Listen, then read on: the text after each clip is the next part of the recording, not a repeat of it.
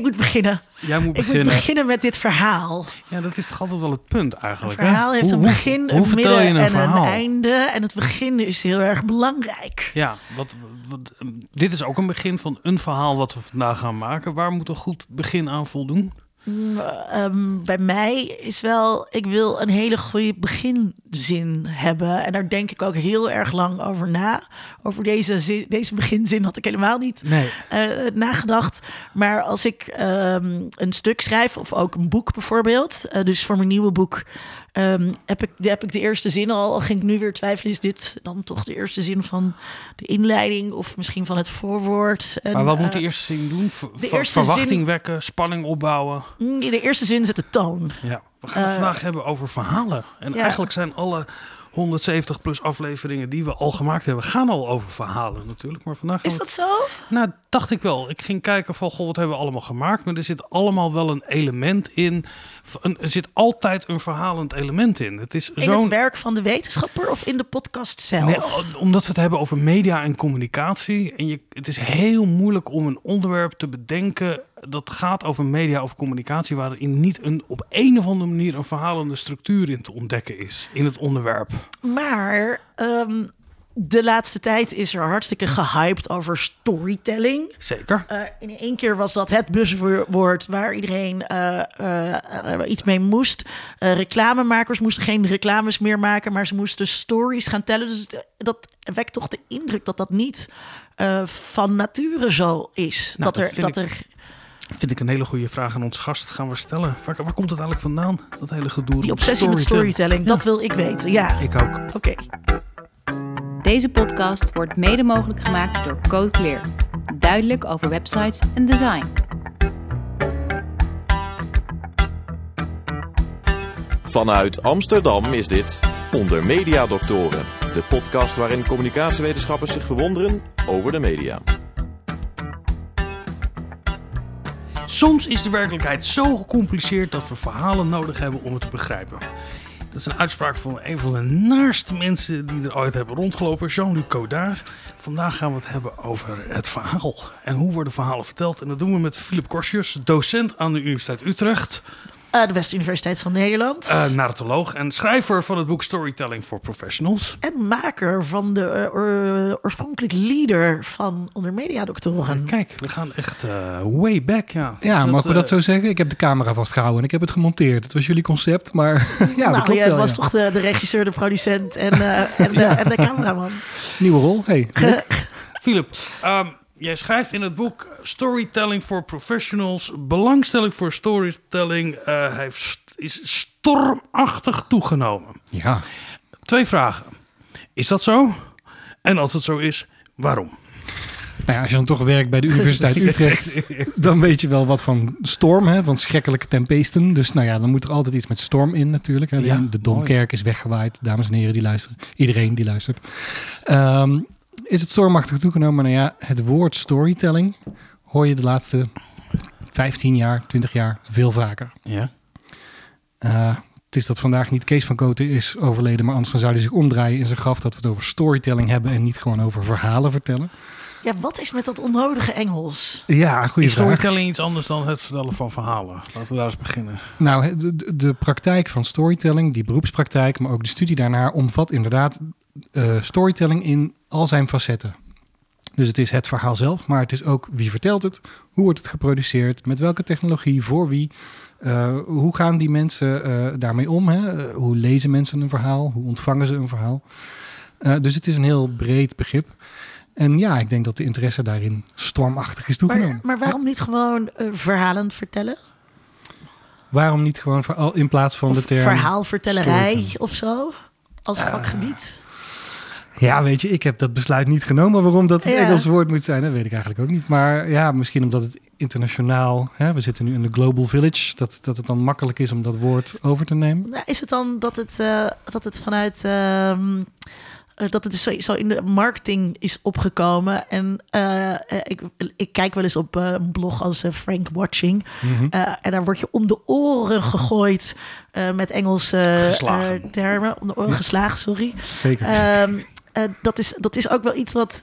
ehm, mensen die zich in business In business, bevinden. in eh, zaken bedoel je? Ja, precies. Wat, wat, wat zij graag doen of zo. Ja. Want dan klinkt het ja, meer. Ik weet Nou, ja, Ja, dat zou een logische verklaring kunnen zijn. Kijk, op zich, eh, je hebt me al geïntroduceerd, Vincent, als narratoloog. Nou ja, dat is dan weer uit het Grieks, hè? Dus het is maar net welke taal je erbij wil pakken om het, om het te vatten. Maar is er ook, behalve dat het woord, want toen ik even jou ging googlen, dan kwam ik je boeken natuurlijk tegen. Maar er zijn Mhm. ontzettend veel publicaties, Nederlandstalige publicaties, storytelling voor eh, manager, storytelling eh, in je bedrijf, maar ook storytelling in de zorg. Weet je wel, er is Ja. geen, geen branche te benoemen, lijkt wel waar niet het woord storytelling komt. Nu, nu kan een term natuurlijk op geld doen. Mhm. Eh, maar ook de interesse in het vertellen van verhalen. Ja. Welke van de twee is het, denk je? Eh, nou ja, je ziet wel dat eh, in, de, in de, de mediatisering van de maatschappij zou je kunnen zeggen. Hè? Dus we hebben met z'n allen steeds meer toegang tot het produceren van media en het consumeren van verschillende media. Eh, is het voor al die bedrijven en al die instellingen en al die mensen ook makkelijker geworden om hun eigen verhaal te vertellen? Want? Nou ja, de- als je zelf. eh, kijk, eh, 40 jaar geleden moest je misschien eh, geluk hebben dat de televisie bij je langskwam om een reportage te maken. Maar nu ga je zelf met je telefoon eh, in je bedrijf rondlopen. Dus eh, als je zelf als bedrijf dat niet Ja. eh, aan media doet, Ja. zeg maar, je kunt het nu zelf ook makkelijker maken. Ja. ja, en als je al die platformen toch moet vullen en je moet overal aanwezig zijn, dan moet je ook wat te vertellen hebben. En Precies. Moet je ook maar een beter verhaal eh daarover kunnen vertellen. Ja, want eigenlijk vroeger, bijvoorbeeld in, in reclame, hè, eh, was het zo eerst van, nou, dit is ons product, zo werkt het. Ja. En daarna werd het, daarom is ons product beter dan de concurrent die hetzelfde product verkoopt. En tegenwoordig is het, wat is het gevoel bij het product? de ervaring. De ervaring, ja zeker. Dus het gaat veel meer over wie ben je. En als je het hebt over wie ben je, dan is het antwoord daarop een verhaal. Eh, waarom doen wij het? Het antwoord daarop is een verhaal. Wat is je visie? Wat is je missie? Het antwoord daarop is een verhaal. Linda, de luisteraars hoorden je al, mijn mede mediadokter. Bij Ehm, Jean-Luc Godard moet ik trouwens altijd denken aan Jean-Luc Picard. De, De, de, de, de, de, eh, ja, de absint. eh, nee, niet absint, eh, de, de drankjes maken bedoel je.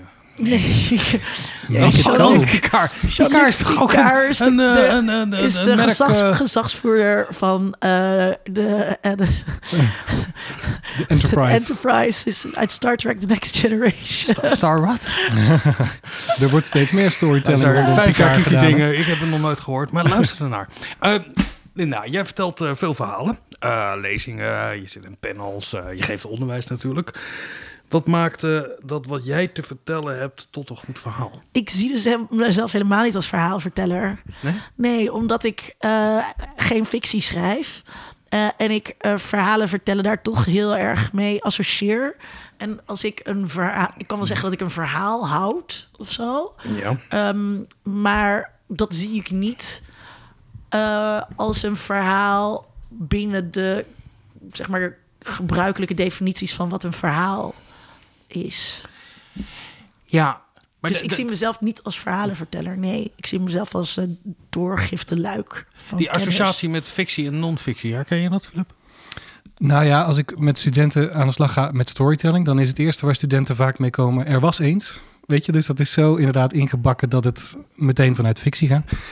Ik weet niet precies hoe jouw voordrachten zijn, Linda, maar ik kan me goed voorstellen dat inderdaad het grootste deel van wat je vertelt niet per se een verhaal is, maar dat er misschien verhalende onderdelen in zitten. Mm, nou, ehm, Komen, ja, er, komen er anekdotes voorbij? Komen er voorbeelden voorbij? Of is het echt het uitleggen van theorie? Of, of hoe gaat dat? ehm, ja, wat ik waar, waar, waar dus en misschien eh, loop ik dan op het draaiboek vooruit en dat, en dat mag natuurlijk niet. Eh, dus mis- ja, misschien moet je het aan de, aan de, moet je aan de eind van de aflevering nog eens vragen. Oké, ja. prima. Helemaal goed. Dan hebben wij alvast hier een mooie setup voor zometeen de payoff aan het ja. eind van... eh, De spanningsboog is Ja, gewekt. precies, Ja. ja. Mag dan in het kader van storytelling één anekdote over fictie en non-fictie die we nu te binnen schieten? Heel graag. Ik, ik, ik werkte ooit voor Menno Boeg en toen eh, die had een programma De Relatieman en er kwamen mensen en die moest ik dan interviewen. En deze man had een heel persoonlijk verhaal. En eh, die zei tegen mij: Mijn lul is geen leverworst. Dat werd ook de kop van het stuk. wat ik heel mooi vond. Maar ik bedankte die man had een heel dramatisch verhaal waarom hij geen condooms wilde gebruiken. Ik weet niet meer waarom. En toen zei ik Omdat hij tegen een die man... eikel is. Ja, dat denk ik ook. Ehm, ik weet het helemaal niet meer waar het over ging. Maar ik zei tegen die man na het interview... Bedankt voor uw verhaal. Ja. En hij werd heel boos op mij. Hij verhaal, verhaal, dat is allemaal echt gebeurd hoor. Ah, ja, ja, ik, ben ja. hier geen, va- ik, ik, ik hang hier geen verhaaltjes op. Het is waar. Dat vond ik, is me altijd bijgebleven over Ja. fictie of non-fictie. Ja, ik kan me goed voorstellen. Terwijl eh, ik heb eh, twee jaar op de kunstacademie gezeten in Breda. En daar ging het ook over van vertel je verhalen en is dat dan specifiek een verzonnen verhaal, dus fictie? Of kun je ook een echt verhaal, hè, dus eh, ware gebeurtenissen vertellen? Eh, en is het dan nog steeds een verhaal? Ja, want het is meer ver- verhaal in de, in de betekenis van relaas of zo. Nou ja. Ja. misschien moeten we daar eens mee Want dat beginnen. is ook wat zijn, wat zijn zei, verhalen? Ja, Ja. Dus, eh, dus wat is de wetenschappelijke definitie, zo, zo er één is? En wat is het, het, het gangbare, normaal Nederlandse begrip als je het hebt over verhaal? Ja. Dus als jij iemand bedankt voor zijn verhaal, dan lijkt me dat een volkomen normale Nederlandse manier van zeggen van... dankjewel voor dit gesprek of eh, dankjewel voor je uitleg. Eh, maar als we het over storytelling hebben, misschien dat daar ook het verschil in zit dat we het niet over verhalen vertellen hebben. Eh, want ik vroeg net ook aan Linda van als jij vertelt, terwijl ik al wist dat jij gezegd had, maar ik, ik doe niet aan storytelling. Eh, dus dat zijn woorden die wij gebruiken, verhaal en vertellen, die soms nauwer zijn en soms juist breder zijn dan storytelling. Dus misschien dat daar dan die term wel weer handig is. Dat het niet alleen fictie is, maar ook non-fictie. En niet alleen een, een, een, een verhaal, maar ook de hele praktijk daaromheen. Volgens mij kan je het in het Engels ook niet zo zeggen zoals jij het zei. Je had dan nooit tegen hem gezegd: Thank you for your story. Nee, dat denk ik ook niet. Maar, eh, maar nou, sharing your story. Ik denk dat je dat wel zou kunnen zeggen. Dat het dan ook begrepen kan worden Ja, als your story. Dus Your daar, daar zit een. Een soort, als het bezittelijk wordt. Ik, ik, ik ging even kijken naar een definitie voor verhaal, maar je komt. Ja, ja. Natuurlijk zijn heel veel definities, maar het is, het, het is een relaas van gebeurtenissen die een bepaalde samenhang hebben en die in, ergens in de tijd plaatsvinden. Dan kom je op dat en een zekere coherentie met elkaar eh, vertonen. Kan ik in meegaan? Ja. Het- dat, dat, Moet er niet ook een element van actie in zitten? In ieder geval ook een element van verandering graag. Ja, En dat, Ja, dat, gebeurt een- vaak door actie. Ja, zeker. Ja. Ja, maar je, je kan toch ook een verhaal vertellen waarin niets gebeurt? Is dat dan geen Eh. verhaal? Dat is een slecht verhaal misschien. ik stond op de tram te wachten. En toen kwam de tram. ja, ja, dus dan is er wel een verandering. De tram verschijnt. een koe is een merkwaardig beest. Wat er ook in haar geest, haar antwoord is altijd boe.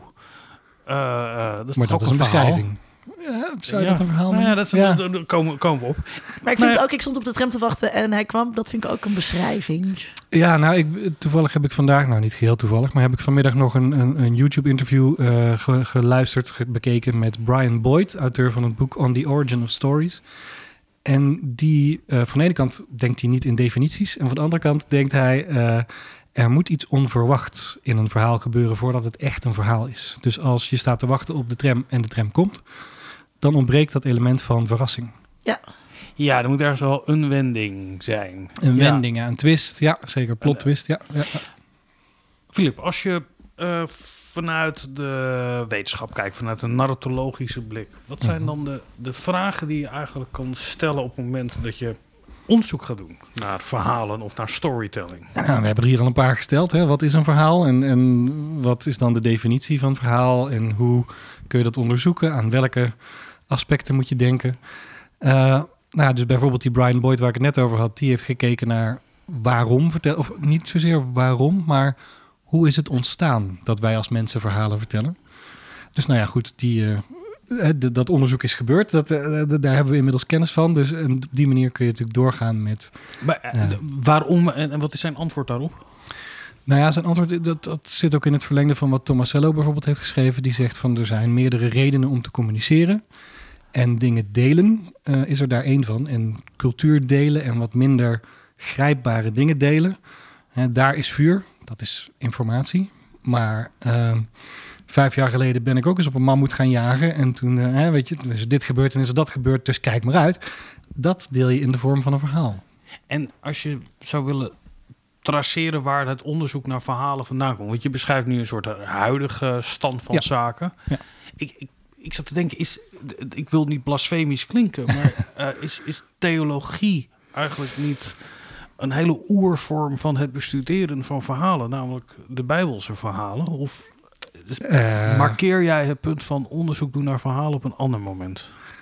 Nou, dat zit wat mij betreft wel voor de Bijbel. Maar eh, theologie in principe gaat wel voor een deel over de grote verhalen, denk ik. Ja, zeker. Ja, En je zegt het zit Eh, al voor de Bijbel. ja Het onderzoek naar verhalen ook. zo'n 350 voor Christus zou ik willen zeggen. Namelijk Aristoteles. Eh, welke wetenschap begint er niet bij Aristoteles? Maar die heeft al eh, de Netflix van zijn tijd uitgespeeld eigenlijk. Hè. Die heeft gewoon al die toneelstukken bekeken. En op een gegeven moment dacht hij, ik kan voorspellen hoe het verder gaat. Ook als hij het toneelstuk nog niet kende. En toen heeft hij zo ontwikkeld, de gedachte ontwikkeld dat er een zekere wetmatigheid in het vertellen van verhalen moet zitten. Eh, dus ja, die, die studie naar verhalen is al 2400 jaar oud. Ja. Ja, maar kan je daar iets over vertellen? Dat is de, de Poetica, zeg ik even uit mijn hoofd, Dat klopt, eh, waarin ja, die dat eh, vertelt. Wa- waarom is dat eigenlijk nog steeds herkenbaar? Wat, wat, wat, wat, ik weet dat ik een, uit een boekje heb gelezen, How to Write Television Drama. En het Mhm. eerste hoofdstuk ging gewoon over Aristoteles. Ja, ik kan me voorstellen. Ja, de, de grote naam van nu, om eventjes heen en weer te springen in de tijd, is Joseph Campbell. Hè. Dat is ook iemand die ontzettend op de structuur van verhalen ingedoken is. En Aristoteles heeft dat in zijn tijd ook gedaan. Om de een of andere reden is dat een ontzettend dominante stroming in, eh, nou ja, oorspronkelijk ook wel onderzoek naar verhalen, maar nu in ieder geval ook in hoe we storytelling doseren. Namelijk, hoe bouw je een verhaal op? En wat zijn de bouwstenen dan? Ja, dat zijn daar afhankelijk van wie je precies eh, eh, tot je neemt. Maar eh, Aristoteles had al het briljante inzicht dat een verhaal een begin, een midden en een eind heeft. Ja, I know, shocking. Daar moet een twist in zitten, daar moet emotie in zitten. We moeten als publiek een bepaalde catharsis gaan ervaren, namelijk een bevrijding van emoties. Doordat wij kunnen lachen of kunnen huilen, of misschien zelfs al boos worden of verward worden door het stuk. Ehm, ik ben even kwijt wat mijn lijn van gedachten ook alweer was. Eenheid van tijd, plaats en handeling. En dat tijd, plaats en handeling. Eh, ja, dat is ook zo'n Aristoteliaans principe inderdaad. En wat bedoelde die daarmee? Eh, dat die Griekse toneelstukken, die konden natuurlijk niet monteren. Hè? Dat, dat vond live, vond dat op toneel plaats, zoals toneel nog steeds live plaatsvond, vindt. Ehm, dus het is logisch als er een eenheid van plaats is, want dan hoef je niet elke keer eh, de, de, de, het decor te wisselen. Een eenheid van handeling, want dan is het duidelijk wat er gebeurt in het stuk. Dat, dat duidelijke begin, midden en eind, die duidelijke ontwikkeling. En die eenheid van, eh, even kijken, wat hebben we nu gehad? Plaats, handeling en tijd. Want er kan dus niet gemonteerd worden. Het moet min of meer in real time gespeeld worden. Nou ben ik trouwens vorig jaar zomer bij een toneelstuk geweest. eh, Back to the Future, the musical in Londen.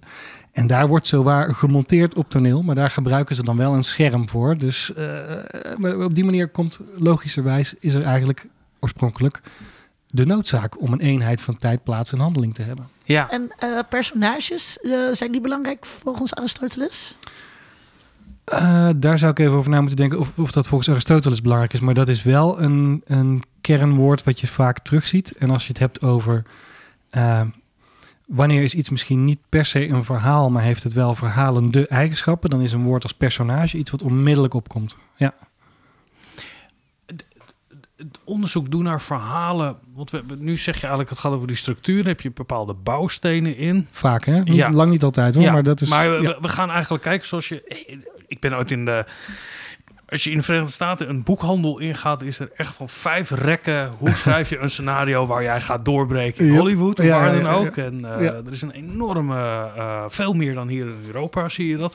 Dat allemaal deze technieken uitlegt. Weet je wel, Ja. je, moet een, je moet een script schrijven, dat is één minuut per pagina. Dus je moet eh, 100 pagina's hebben. En dan moet op pagina 64 moet er een wending komen. Dat, dat, Ja. dat, die, hand, die doelboeken kan je gewoon kopen. Dat Ja. is ontzettend leuk. Ik Maar ben is- benieuwd. Maar ehm, ik moet denken aan, eh, aan onze voormalige collega Koos Zwaan, die onderzoek deed naar succesfactoren van popmuzikanten. Mhm. En eh, toen er werd, werd altijd gezegd, je kunt de hitformule niet vinden. Hmm. Ehm, maar is dat dan bij verhalen vertellen wel zo? Want dit klinkt alsof het dus formularisch is. Alsof je, als je maar de juiste elementen erin giet, je altijd een bestseller kunt schrijven. Nou ja, ik kijk hier om me heen. Ik zie wat eh, Star Wars attributen staan. En ik geloof dat George Lucas wel een belangrijke rol heeft. Ik weet niet of hij het zo bedoeld heeft. Maar in deze gang van zaken dat er inderdaad op elke straathoek in Amerika een boekenplank is met zo schrijf je een goed scenario. George Lucas heeft eh, enorm die theorie van de eerder genoemde Joseph Campbell tot zich genomen. Dat is de monomythe. Dat, eh, Joseph Campbell die heeft oorspronkelijk onderzocht over de hele wereld. Bij allerlei culturen, allerlei volkeren is hij gaan kijken. Hoe zitten verhalen bij jullie in elkaar? Inderdaad, verhaalstructuur. Uh, en daar heeft hij wetmatigheden in gevonden, zoals Aristoteles destijds, maar dan op een veel grotere schaal, hè, wereldwijd. Um, en Campbell bedoelde dat descriptief. Hij was gewoon geïnteresseerd van wat kom ik tegen. En Hollywood denkt, ah, mooi, prescriptief. Wij hebben nu een recept voor het succesverhaal. En inderdaad, als je nu luistert naar een collega-podcast van jullie, Script Notes uh, van John August en uh, Craig Mazin, twee scenario-schrijvers uit Hollywood. Uh, onder andere van The Last of Us, meen ik. Dat weet ik even niet. Nou, anyway. Um, die, die, die zeggen van ja, vanuit de praktijk leuk, die theorie over verhalen vertellen. Maar inderdaad, dat is niet genoeg. Je kunt, je kunt niet alleen met Joseph Campbell een hitfilm schrijven. Anders deed iedereen het de hele tijd. Ik moet heel erg denken, we hebben net met de andere podcast Dingen, Vincent noemde hem zojuist al even, een aflevering gemaakt over uh, films over lichaamswisselingen. Uh, ja, zoals uh, ja. Freaky Friday. iedereen kent het idee wel. Mm -hmm. en die zijn ontzettend formularisch. En ja. daar zit een heel groot plezier ook in als je, als je naar dat soort films kijkt, in die herkenbaarheid mm. um, uh, die er is. Hè, dus uh, het gebeurt en dan moet die persoon altijd naar huis om te slapen. Dat is heel raar. De verandering is nooit meteen, maar dan wordt die persoon die ja. verwisseld is, die wordt wakker. En dan moet er altijd aan de boobies gevoeld worden en in de spiegel gekeken en nog een keertje en tegelijk dat bewegen. En voor als kijker is dat dus, is dat dus leuk, maar het is ook saai. dus ik keek voor die podcast, keek ik er, keken we er vijf achter elkaar. Dat is gewoon kut. omdat, omdat het zo voorspelbaar is. Terwijl als ik aan storytelling denk, als, als begrip, zeg maar, wanneer gebruik ik storytelling? Dan heb ik het altijd over bijzondere storytelling. Dan heb ik het altijd uh, over uh, series waarin daarmee gespeeld wordt. Uh, waarin heen en weer door de tijd gegaan wordt, bijvoorbeeld. Mm. Of perspectiefwijziging mm. um, zit. Dus eigenlijk wel altijd dingen die dus afwijken van dat hele format. Of die, door die, die formule um, die jij nu schetst. Ja, interessant genoeg is daar dus misschien op metaniveau ook behoefte aan de twist. Dus de twist moet niet alleen in het verhaal zitten, maar de manier van storytelling moet misschien ook een twist bevatten. Dat ja, zou kunnen. Voor, voor mij wel in ieder geval. Dat, dat vind ik interessant. Bijvoorbeeld ook denk aan um, uh, uh, George R. R. Martin, die uh, ja. het gewoon voor elkaar krijgt om zijn de meest geliefde personages gewoon dood te maken. dat ja. is ook een vorm van, dat is niet zozeer een plot twist als wel ook een storytelling twist. Want de afspraak is eigenlijk altijd, of in Scream bijvoorbeeld de allereerste Scream, Drew Barrymore, sorry mensen, spoiler, die sterft in de eerste scène. Dat verwacht je niet, want Drew Barrymore is de naam. Ja, precies. Maar daarmee is het toch ook een, een juist een herbevestiging van die klassieke storytelling. Dat je allemaal die culturele bagage hebt waarmee de bioscoop ingaat. En dan word je verrast omdat het anders is, waarmee het een bevestiging is van wat de norm is. Dus we zitten die, die norm van wat we verwachten is zo ingrained in ons cultureel geheugen en onze vaardigheden om verhalen te begrijpen dat we daar altijd aan, aan, aan toetsen. Nee, maar ook weer niet. Want inmiddels zijn er zoveel uh, vette series. En ik heb het dan even over series, omdat ik die gewoon interessanter vind dan films op dit moment. Zijn er zo, wordt er zoveel interessant story, story geteld. Ja. Um, dat, dat die norm uh, verdwijnt. Want ik zet het dus af tegen uh, Lost, tegen The Leftovers, tegen uh, Game of Thrones. Ik zet het niet af tegen Freaky Friday. nee, ja, daar komen we, komen we er zo verder op hoor. Ik, ik stel jou de vraag, Philip, als je dit wil bestuderen. Want mm. Je noemde Campbell als een voorbeeld die er heel erg kijkt van eigenlijk wat is dat systeem. Maar Linda ja. geeft andere voorbeelden die we kennen uit uh, ja. wat volgens mij uh, complex narratives heet. Noemt uh, Mittel dat, geloof ik. Uh, ja, ja, ja, Jason Mittel, ja. Wat, wat, wat moeten we daar... Hoe kan je dat dan bestuderen? Als het niet vanuit de klassieken is. Nou, het ligt überhaupt aan je invalshoek. Kijk, ook allerlei zaken die niet eens per se over storytelling gaan... die zijn wel degelijk ook weer van toepassing op storytelling. Hè? Bijvoorbeeld een Stuart Hall of zo. Uh, encoderen en decoderen. Wat stopt een maker in het verhaal denkt de maker erin stoppen en wat stopt hij er onbewust in? En wat haalt een publiek er al dan niet bewust uit? Dat is ook allemaal van toepassing op storytelling. Het, het is zoiets breeds en zoiets typisch menselijks. Hè. Er, is ook wel, uh, er is ook wel theorie over homo narans. Hè. Dus niet homo sapiens, maar Homo narans, de vertellende mens, eh, dat het blijkbaar zo'n essentieel onderdeel van ons mens zijn is, dat je er vanuit allerlei invalshoeken naar kan kijken. Want voor de geesteswetenschappen was het onderzoek naar eh, verhalen ook misschien wel het eerste punt dat ze dachten serieus genomen te worden. eh, als exacte wetenschap. Eh, Eh, ja, Wat bedoel je dan hier met exacte wetenschap? Nou ja, we hadden het eigenlijk over die, die, die, die terugkerende elementen die erin zitten. Eh, we hebben natuurlijk Prop gehad en Mhm. Levi Strauss. Is een antropoloog, Levi Strauss? ja, maar omdat het ging over Hou eens verhalen... op met onze heldenjatten. Bo- bo- bood die- Nee, er is wel gezegd dat dat, dat het een, een poging was van de- deze structuralisten om die structuren bloot te leggen als ware het een soort natuurwetenschap. Dat we de cultuur kunnen gaan bestuderen door de structuren daarvan bloot te leggen om te Ja. laten zien, we zijn steeds dezelfde verhalen die we vertellen daarover. Hmm. Ehm, de, de, de mor- mor- morfologie, is dat morfologie? Ja, dat, dan heb je het over Vladimir Prop onder andere. De morfologie van het volksverhaal, de, de folktale. In het Nederlands wordt het dan vertaald als sprookje. Dat is net niet helemaal correct eigenlijk, maar vooruit. Eh, ja, dus uit welke ingrediënten bestaat een verhaal? Hè? Ja, welke personages inderdaad? Wat voor soort personage? Wat voor type personage? Wat voor soort gebeurtenissen? Welke functies? Dus welke ja, onderdelen van een verhaal, wel- welke gebeurtenissen en zo eh, eh, volgen elkaar op. Als, als A gebeurt, moet logischerwijs B gebeuren of misschien wel C, maar En eigenlijk... dat, dat kan zo abstract zijn als de ontmoeting, ja, het conflict, het goedmaken. Ik Ja. het even, ik heb het niet allemaal paraat. nou ja, voor de formule inderdaad. Hè, als we de volgende Freaky Friday willen schrijven, dan, dan moet er blijkbaar dat moment zijn van realisatie dat er een persoonsverwisseling heeft plaatsgevonden. Dan is dat een functie binnen, nou, ik weet niet of je het een genre mag noemen, maar in ieder geval de, de soort verhaal, eh, eh, lichaamsverwisseling. D- d- Het lijkt ook een beetje op wat, wat, wat we later trope zijn gaan noemen. Ook bepaalde personages, maar ook bepaalde gebeurtenissen, zoals je beschrijft in, eh, eh, was het Freaky Friday-achtige dingen, die altijd weer terugkomen. Ja, het is dus een interessante vraag wat eh, die, die Philip stelt eh, over is het een genre waar wij dus ook Mhm. lang over nagedacht hebben. Want er zijn te weinig films om het een genre te noemen, maar het voldoet wel aan de kenmerken van een genre. Namelijk, er zijn hele duidelijke genre-kenmerken die voor de kijker herkenbaar werken en waar je dan ook mee kan spelen. Ja. Eh, trouwens, dus de meest recente, eh, om maar even uit te wijden hier, ehm, is ehm, eh, Freaky. En ehm, eh, dat is een slasher. En niet een. Eh, niet een, eh, het is ook nog steeds een comedy, maar er gaan dus heel veel mensen dood. Dus eh, een, een, meisje van high school verwisselt van lichaam met een seriemoordenaar, gespeeld door Vince Vaughn. Heel grappig. Het is echt een, echt een aanrader, deze film. Die dus ook leuk is als je, dat, als je het genre kent. En dat is altijd natuurlijk met genres. Ja. Maar in hoeverre is het, een, is het verhaal of de narratologie eh, dicteert dat dat het een genre is? Want een slasher gaat erover. Er gaan gewoon heel veel mensen dood. Dat is heel veel eh, blood en gore eh, die je voorbij ziet komen. Maar eh, is het ook altijd in dezelfde soort verhaalstructuur?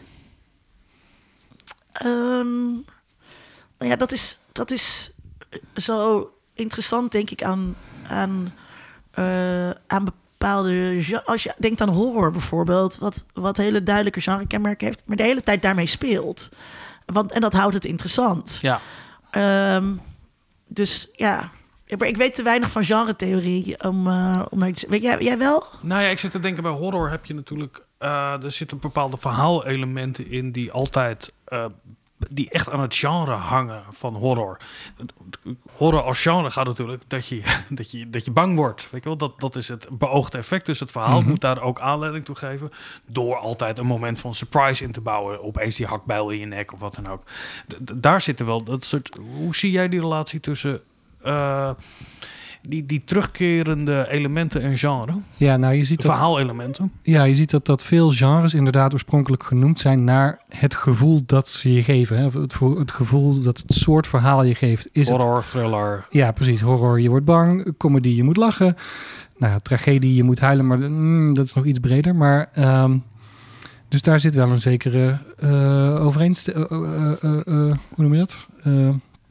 Overlap in, inderdaad. En het is misschien ook iets postmoderns, iets van onze remix-cultuur om te gaan knutselen met... hey, we hebben hier een slasher, Maar er is nog nooit een slasher gemaakt waarin iemand van lichaam verwisselt. Dus we gaan dat eens bij elkaar brengen, kijken wat dat doet. Ja, maar ja, dat is ook waar we het eerder over hadden. Als je de verhaalstructuren kent en je weet dat je publiek de verhaalstructuren kent, dan kan je ermee gaan spelen.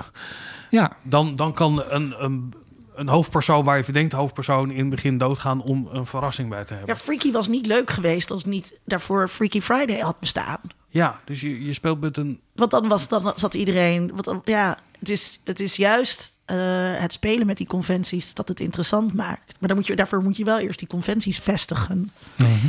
Philip, als Maar, maar, maar Ja. ehm, zijn niet, zijn niet, spelen niet alle spannende verhalen met eh, conventies? Is dat niet juist ook wat een verhaal goed maakt als je het hebt over dat element van verrassing? Eh, ja, de beste verhalen wel, denk ik, ja. En daarom, want we hebben het nu veel over fictie, hè? en dat is ook helemaal prima. Dat is ook een enorm groot onderdeel van, van alles wat er bestudeerd wordt op het gebied van storytelling. Maar als ik bijvoorbeeld denk aan corporate storytelling, dan gaat het daar vaak mis. Omdat het juist zo'n ongelooflijk voor de hand liggend... eh, hè? Ons bedrijf is keigoed, want wij doen dit en dat. gaan we het zo uitgebreid over hebben. En dan mag je sorry, ja, helemaal ik loop weer voor op het, door, op het draaiboek. Ja. Eh, Het zou niet onder media een verhaal heeft een volgorde, hè? Het zou niet onder media zijn als niet zo was. eh, ja. Dat is een eh, flash komen forward, bij de point of no return dat jij big business mag bashen. Ehm, ik, als je onderzoek doet, eh, als je naar een narratologisch onderzoek doet, dan heb je een bepaald instrumentarium. Eh, waar kijk je allemaal naar als je een verhaal gaat bestuderen? Wat zit er in je gereedschapskist? Ja, toch vaak moet ik zeggen nog wel eerst die textuele analyse. Dus kijken naar van wat, wat zien we in het verhaal gebeuren of wat horen we of wat spelen we, wat ervaren we. Eh, en dan inderdaad komen dingen als genre komen eh, van pas, personage komt van pas inderdaad. Wat- zijn de functies, hè? wat zijn de gebeurtenissen? Eh, er wordt ook wel gezocht op dit moment, die zoektocht is nog gaande naar het verhaalatoom. Dat, eh, Het verhaal, Atto. het verhaal. Ja, dat is misschien wederom een nieuwe poging om aan te sluiten bij de exacte wetenschap. Ik weet het niet, maar eh, de Nareem, als ik het goed uitspreek, want ik heb het alleen nog maar gelezen. Ik heb er eigenlijk nog nooit er in gesprek over gehad. Dus ik denk Heb dat je dit verhaal, Atto, wel eens gezien? Eh, nou, ik heb gezocht. Ik heb een vergrootglas boek gelezen. Ja. Ik vind dat fantastisch. Dit, dit als astronomen, die kunnen ook gewoon Ja. vanuit de theorie zeggen dat iets moet bestaan. Ja, maar we ja, hebben het alleen ja. nog niet kunnen aantonen. Maar, Maar Ja. wat is het? Nou ja, de Nareem, nogmaals als ik het goed uitspreek, N-A-R-R-E-M-E, eh, zou dan het, het kleinste deeltje zijn wat je echt nodig hebt om van een verhaal te kunnen spreken. En de huidige inzichten zijn inderdaad wel dat dat wel iets te maken heeft met een twist inderdaad. En iets met een actie, iets met een handeling. Er moet iets veranderen, er is iets van contrast. Dus het verschil tussen een relaas van gebeurtenissen en een verhaal zou dan de Nareen zijn. Wat, Mogelijk. eh tenminste, vanuit, Ja, ja, en, vanuit- eh, ja. zonder dat we nog precies weten wat het is, maar wel de veronderstelling dat het er moet zijn. Want ik vind het een heel interessante gedachte. Want ik weet bijvoorbeeld dat dark matter vooral een theoretisch begrip is dat het moet bestaan, anders kunnen we de rest niet verklaren. Ja, ja. We kunnen altijd, we voelen aan wanneer iets een tot verhaal is gemaakt, maar we kunnen nog niet precies blootleggen wat het dan, wanneer het dan zo is. Dus eigenlijk die definitievraag. Ja, dus daar zit iets heel fundamenteels in. Het is, eh, dat, is, dat is wat we dan voelen bij ik stond op de tram te wachten en hij kwam. Dan mist daar toch blijkbaar een Nareem of zo. Ja. Terwijl je ook verhalen van, een, van één zin hebt.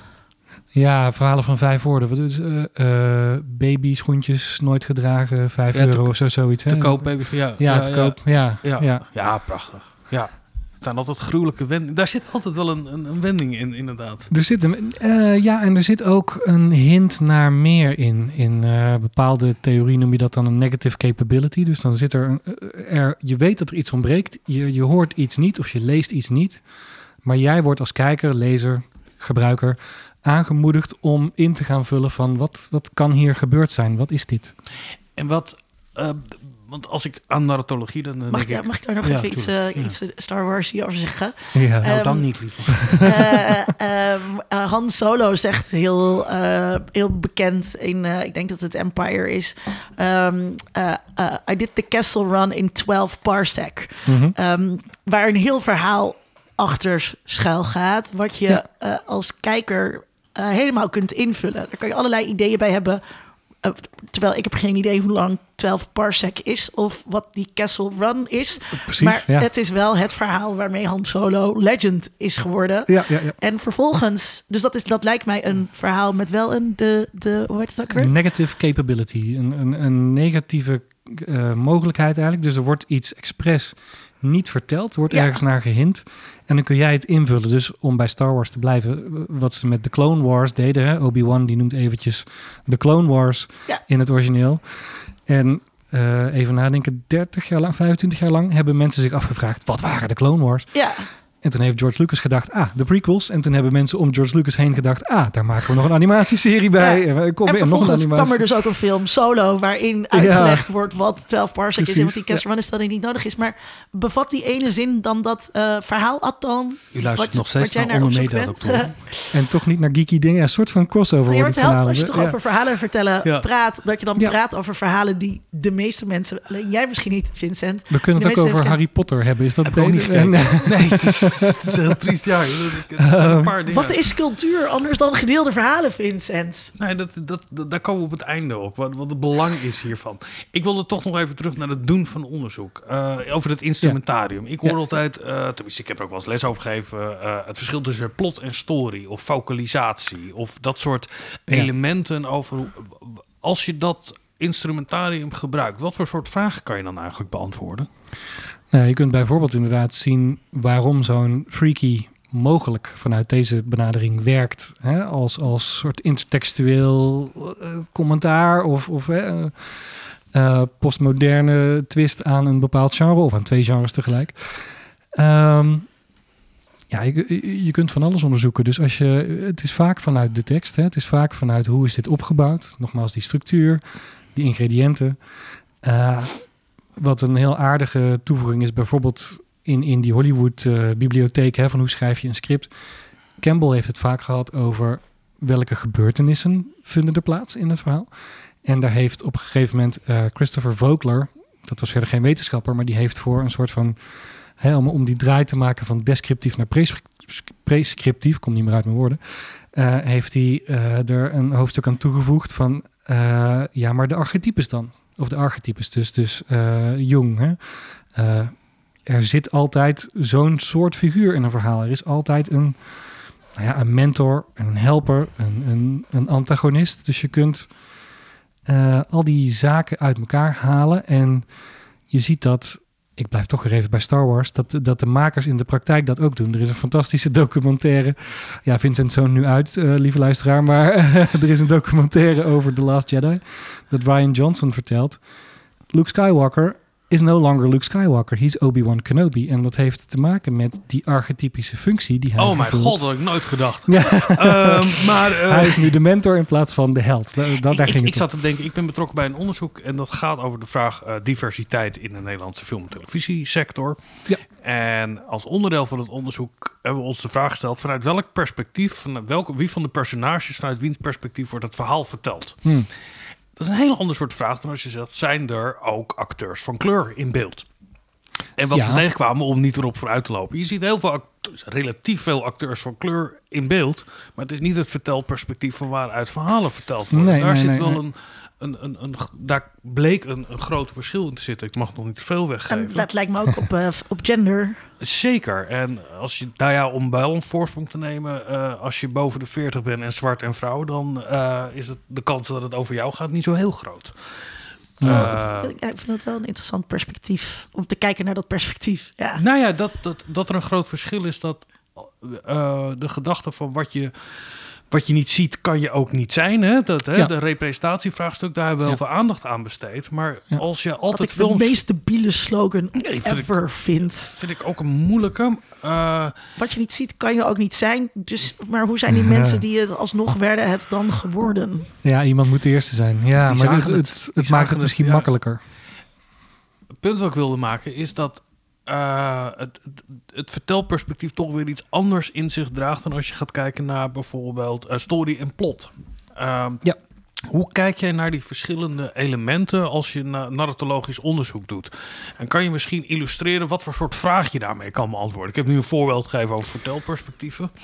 Ja, nou ja, wat, je daar inderdaad mee kan bekijken is... eh, eigenlijk het verschil tussen diversiteit en inclusie, zou je bijna kunnen zeggen. Dus eh, zitten die mensen die anders zijn dan wit, zwart, eh, eh, eh, wit, hetero en man hè, en cisgender, zitten die erin?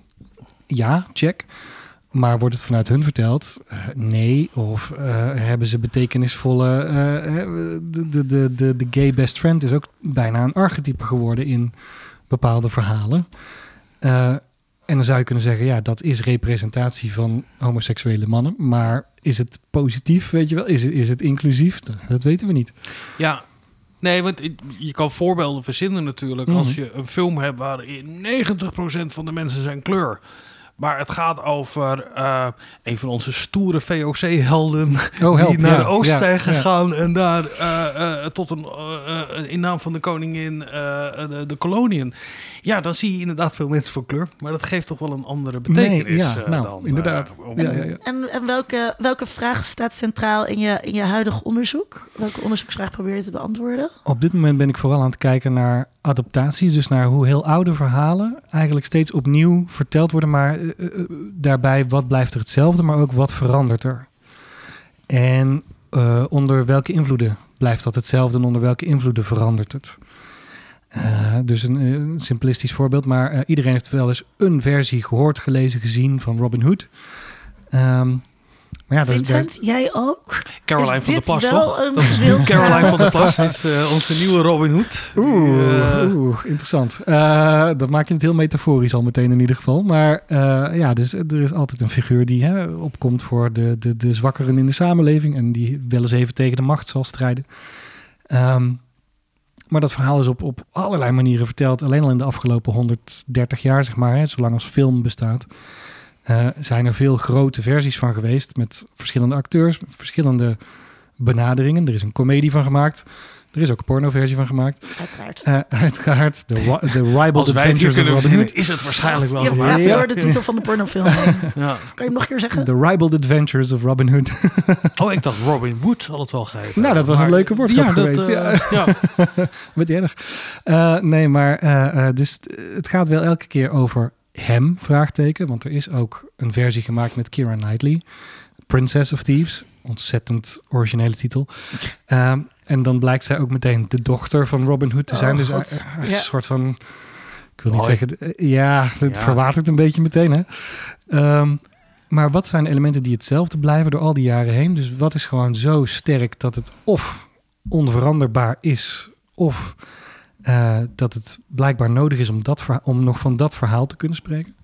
Eh, en waar kun je wel aan sleutelen en aan draaien? Weet je, is Kleine Jan, kan die zwart zijn?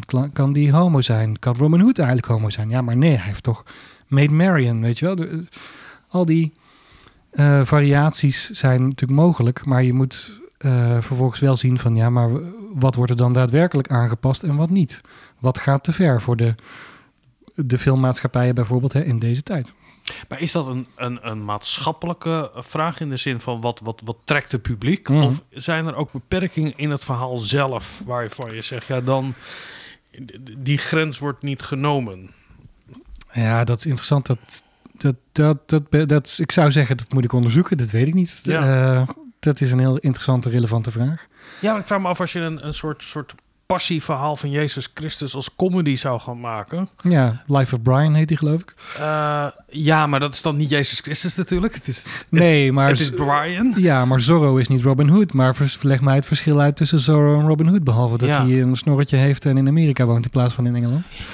Ik denk dat we hier een klein stapje hebben naar, naar d- d- wat eigenlijk de economische betekenis is. Hè? Want je zegt, Mhm. zo Robin Hood is in tal van verschillende manieren gemaakt. Daar zit een economisch eh, eh, argument bij. Iedereen kent Robin Hood, dus je weet ongeveer wat je gaat krijgen. Dat Ja. is altijd prettig. Mental real estate noemt eh scenario schrijver Terry Rossio dat. Ja, Ja. hoe, hoe, hoe, hoe kan een verhaal big business zijn? Of storytelling? Eh, nou, onder andere door wat jij nu zegt. Hè. Men weet dat er een markt is voor bijvoorbeeld Robin Hood. Men weet dat er een markt is voor Star Wars, voor slashers, voor eh, lichaamsveranderende eh, vertellingen. Ehm, je ziet dat heel veel van onze huidige cultuur inderdaad. Hè, wat Linda eerder zei, dat cultuur voor een groot deel bestaat uit verhalen die we doorgeven en delen. Daar ben ik het mee eens. Ehm, je ziet dat, dat er eh, veel verhalen opnieuw verteld worden, maar dat er ook verhaaltechnieken gebruikt worden om een bepaalde boodschap, en dat kan heel plat zijn tot koop dit merk, maar kan ook echt iets, iets eh, politieks of iets uh, maatschappijkritisch uh, zijn, om dat verhaal over te brengen. Maar het wordt big business omdat de mens eigenlijk, wat was die uitdrukking, wired for, was het wired for communication of wired for story, zo heet volgens mij een, een boek uit deze hoek ook, wired for story. Wij reageren als mensen gewoon heel goed op verhaal op de vorm, er is een verhaal. Uh, en dat wordt enorm. Uh, we kunnen de Frankfurter Schule er ook nog bij halen, overigens. De cultuurindustrie, hè, dat een bepaalde, bepaalde formulaische inderdaad benadering elke keer opnieuw terugkomt. Uh, omdat bewezen is dat daar een markt voor is. Ja, ja want er zitten wel twee kanten. Jullie hebben al een paar keer, uh, ik geloof dat het Star Wars heette, zoals jullie dat noemden. Maar dat is Ja, helemaal sorry. uitgebrancht in, in allemaal sub-verhalen en sublijnen die Ja. ook weer ergens weer bij elkaar komen. Dat kennen we natuurlijk ook van Marvel. En, en, en, en, Zeker. en, en we zien nu, zeker in de filmindustrie, als je naar de bioscoop gaat, staat er achter elke titel 2, 3, 5 of 7. Het is altijd een reeks waar je in terecht is gekomen. Zijn wij geïnteresseerd geraakt in langere, complexe verhalen? Of is het een ordinaire, eh, eh, eh, risicovermijdend gedrag van de filmindustrie?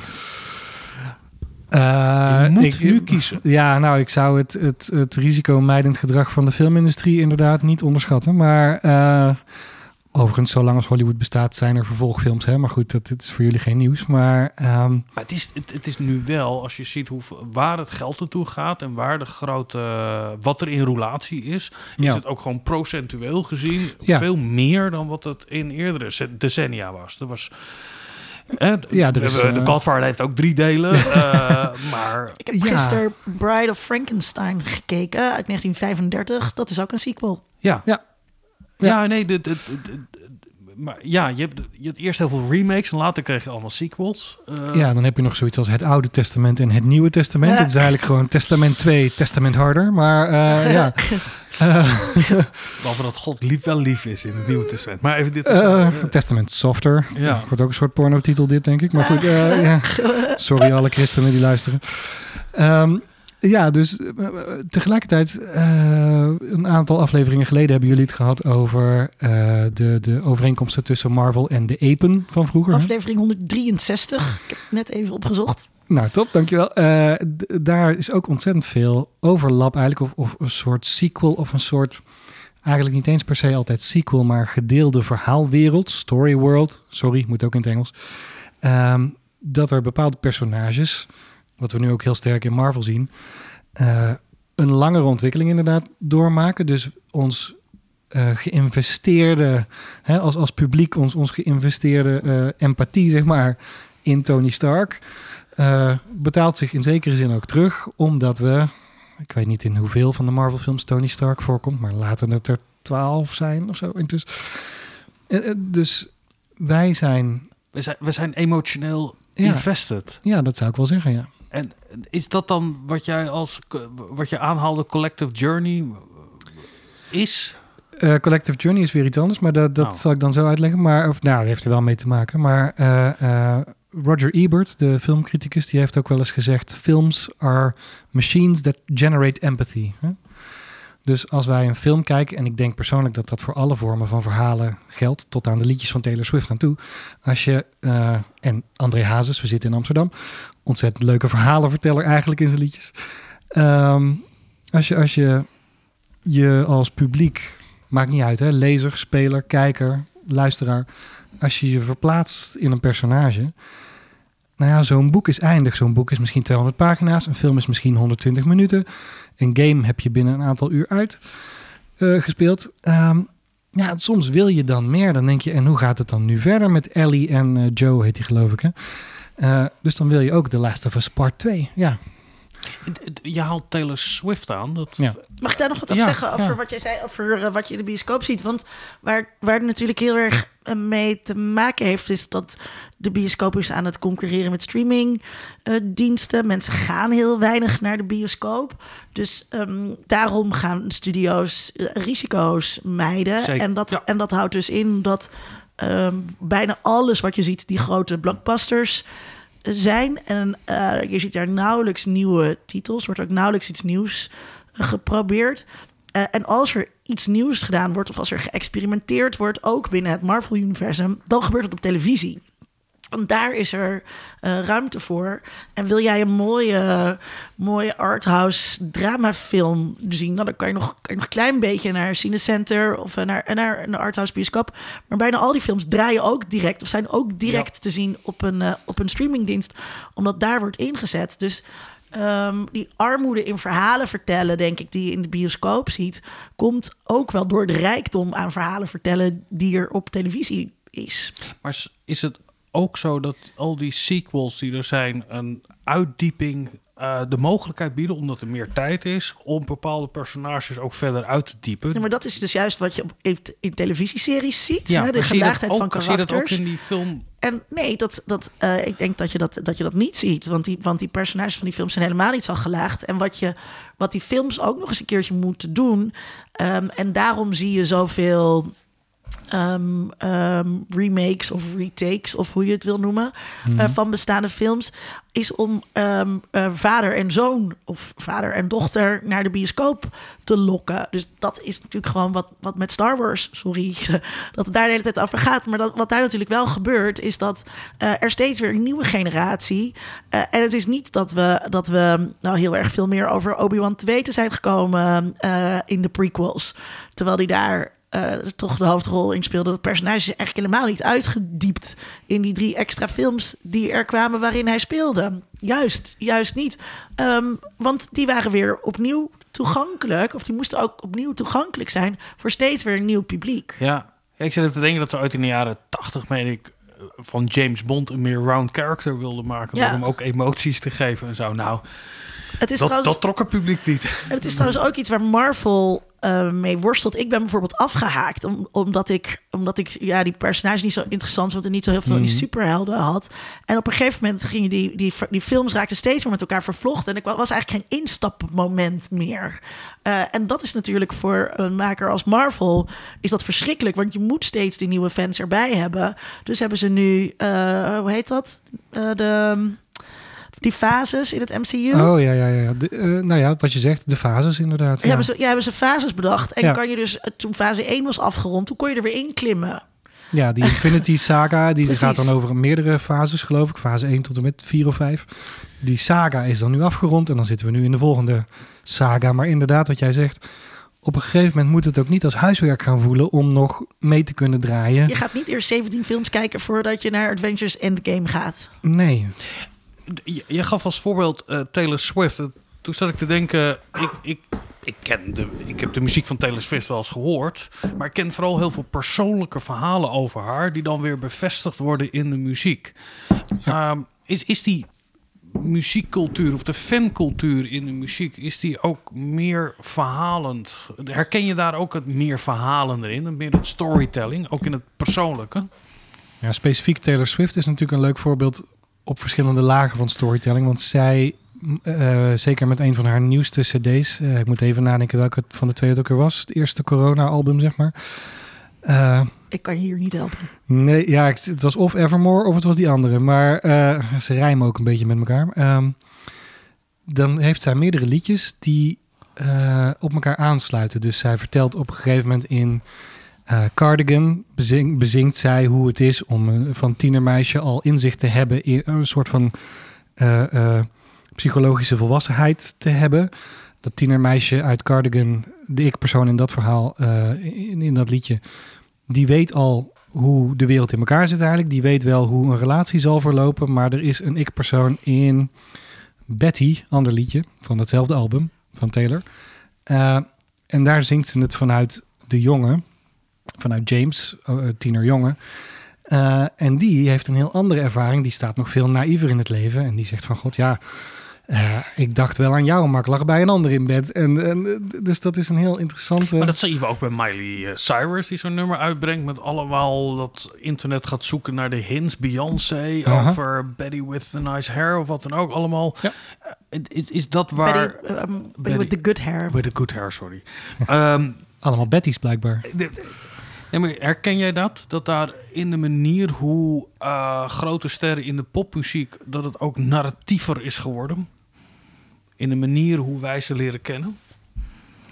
Ik denk dat het. ehm, ik, ik, ik, ik weet niet zoveel van, eh, van, van songteksten. Of dat is niet iets waar, waar ik me heel erg mee bezig ga. Maar het is natuurlijk wel de celebrity, zeg maar. Eh, daarin staat gewoon identiteit heel erg centraal. En wat je net ook al aan het begin zei.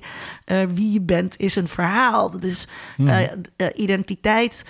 eh, is voor, voor eh, Anthony Giddens, socioloog, gaat het over het narratief van het ik. Welk, welk verhaal Ja. vertel je over jezelf? Dat is wat identiteit is. En, ehm, eh, en dat is voor artiesten ontzettend belangrijk. Dat dat een verhaal is dat ehm, herkenbaar, maar toch bijzonder eh, eh, is. En eh, als je bijvoorbeeld kijkt naar documentaires over, over popmuzikanten en over artiesten, celebrities.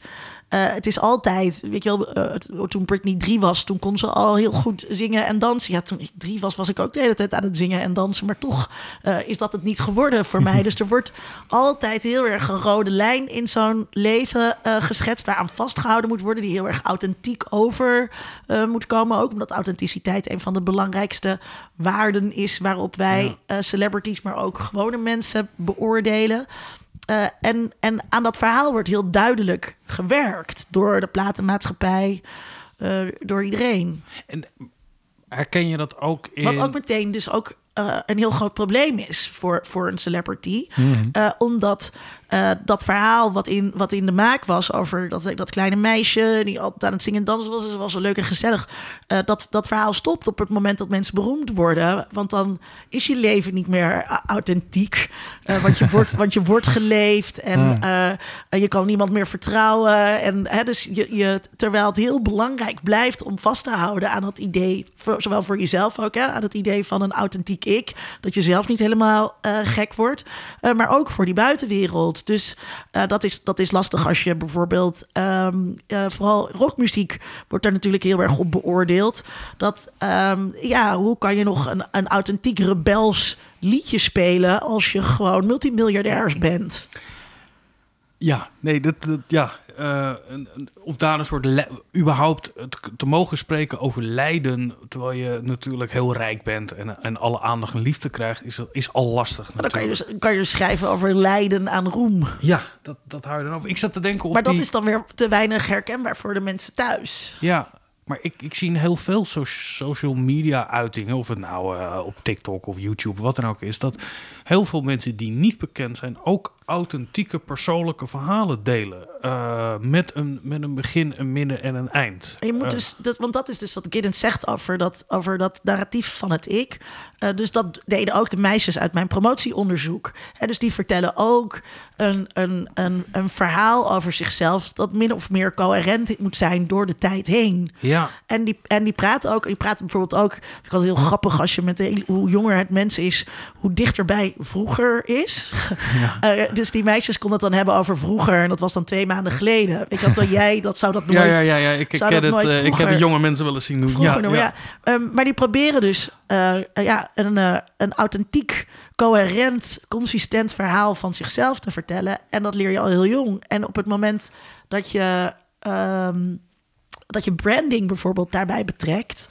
ehm, ja, dat is, dat is wat die, waar influencers dus ook de hele tijd mee bezig eh, zijn. Al vanaf het begin dat ze nog maar heel weinig volgers hebben, moet ook daar een authentiek verhaal verteld worden. En ook daar zie je dus de problemen die ontstaan. Dus je hebt zoiets als eh, eh, influencer burn-out. En dat heeft heel erg te maken met dus elke dag maar weer herkenbare, soort van relatable content maken voor je kijkers. Terwijl jouw leven helemaal niet meer zo relatable en authentiek is.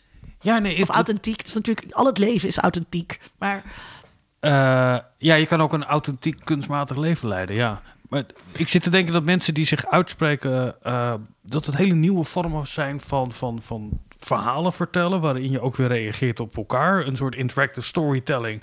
Maar dan niet op een het- woord interactive storytelling heb ik iets te vaak gehoord. Begin jaren negentig is er nooit van gekomen. Eh, ik weet dat je op een gegeven moment kon stemmen in de bioscoop eh, welke acte er ingestart zou worden. Nou, daar zat ook echt werkelijk niemand op te wachten. En er Ja, is natuurlijk wel hartstikke veel interactive storytelling en het heet gamen. Ja, Ja, nou, precies. daar Dus, zien eh, we het. Welk medium hanteer je ervoor? Film is niet het beste medium voor interactive storytelling, nee. Maar Ik, ik, ik wil nog even over die, die, die op social media, wat, wat mij opvalt. Maar dat is wel, ik vind dat wel, Ja, dat, want doe je ook daar onderzoek naar, naar, eh, naar games? Nou, ik, ik ben de cursuscoördinator aan de Universiteit Utrecht van Interactive Storytelling. Dat is bij ons een workshop, dus dat is een practicum. Dus dat is erop gericht dat studenten zelf eh, hun interactieve verhaal maken. En dat mag non-fictie zijn, dat mag fictie zijn.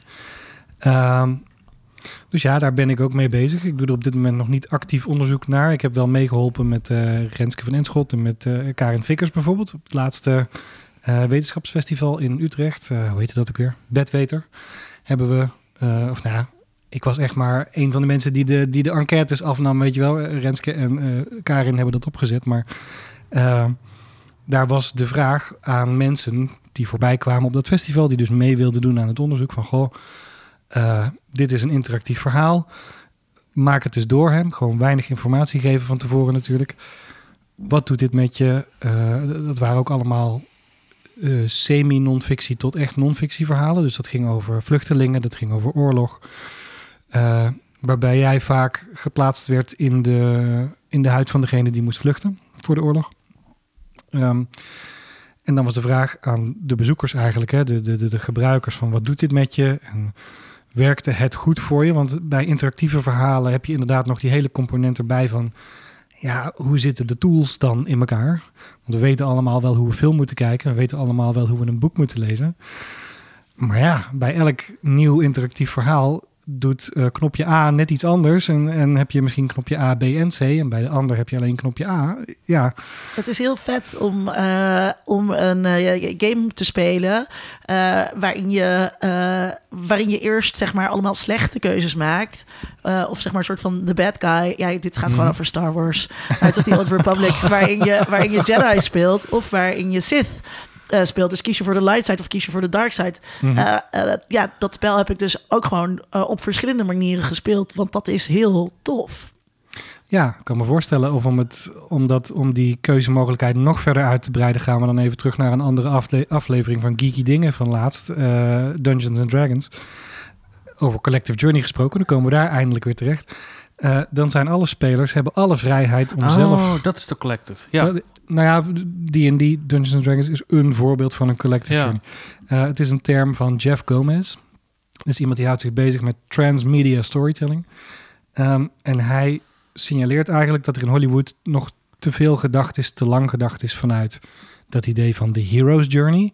Dus de Campbell-methode. Eén held maakt iets mee, et cetera. En vaak is het een witte heet man. Ehm, en de collective journey laat inderdaad veel meer ruimte voor een, een, een verzameling aan verschillende mensen met allerlei identiteiten. Heel die veel dan- witte heters nou ja, dat in fase 1 van Marvel zijn het inderdaad. Op, Ja. Met uitzondering van Scarlett Johansson, die toen niet haar eigen film kreeg. Dat heeft ze eindelijk twee jaar geleden pas gekregen. Waren inderdaad allemaal witte hetero mannen. En in de nieuwe Avengers zie je dat er eindelijk eh, een Black Panther is. Of een, een, een, een, eh, noem ze allemaal maar op. Maar meer. Maar wat, wat maakt er dan transmedia? Eh, transmedia is dat het medium overstijgend is. Dus dat het verhaal doorgaat in verschillende media. Dus je, eh, ik zal mijn best doen om Star Wars niet als voorbeeld te noemen, maar het is eigenlijk wel het beste voorbeeld. Ehm, Harry Potter is er ook een goed voorbeeld van. Eh, Rivers of London Maar van in, in Ben boeken, in is er ook een goed merchandise, in voorbeeld. games, in film, televisie, Ja. desnoods op straat, Ja. bij billboards, waar het, het verhaal zich voortzet. Ja, er is niet meer één verhaal. Er is een hele verhaalwereld, hè, die story world waar we het eerder over hadden. En daar gebeuren verschillende dingen met verschillende mensen. En in eh, de strip eh, lees je misschien het verhaal vanuit het perspectief van, nou laten we bij Marvel blijven, Black Widow. En, en wat er wat haar betreft allemaal aan vooraf ging. En eh, dan heb je de film en dan is dat de gebeurtenis waarbij ze samenwerkt met Thor. En dan heb je de game en die is dan weer vanuit het perspectief van Thor alleen. Nou, ga zo maar door.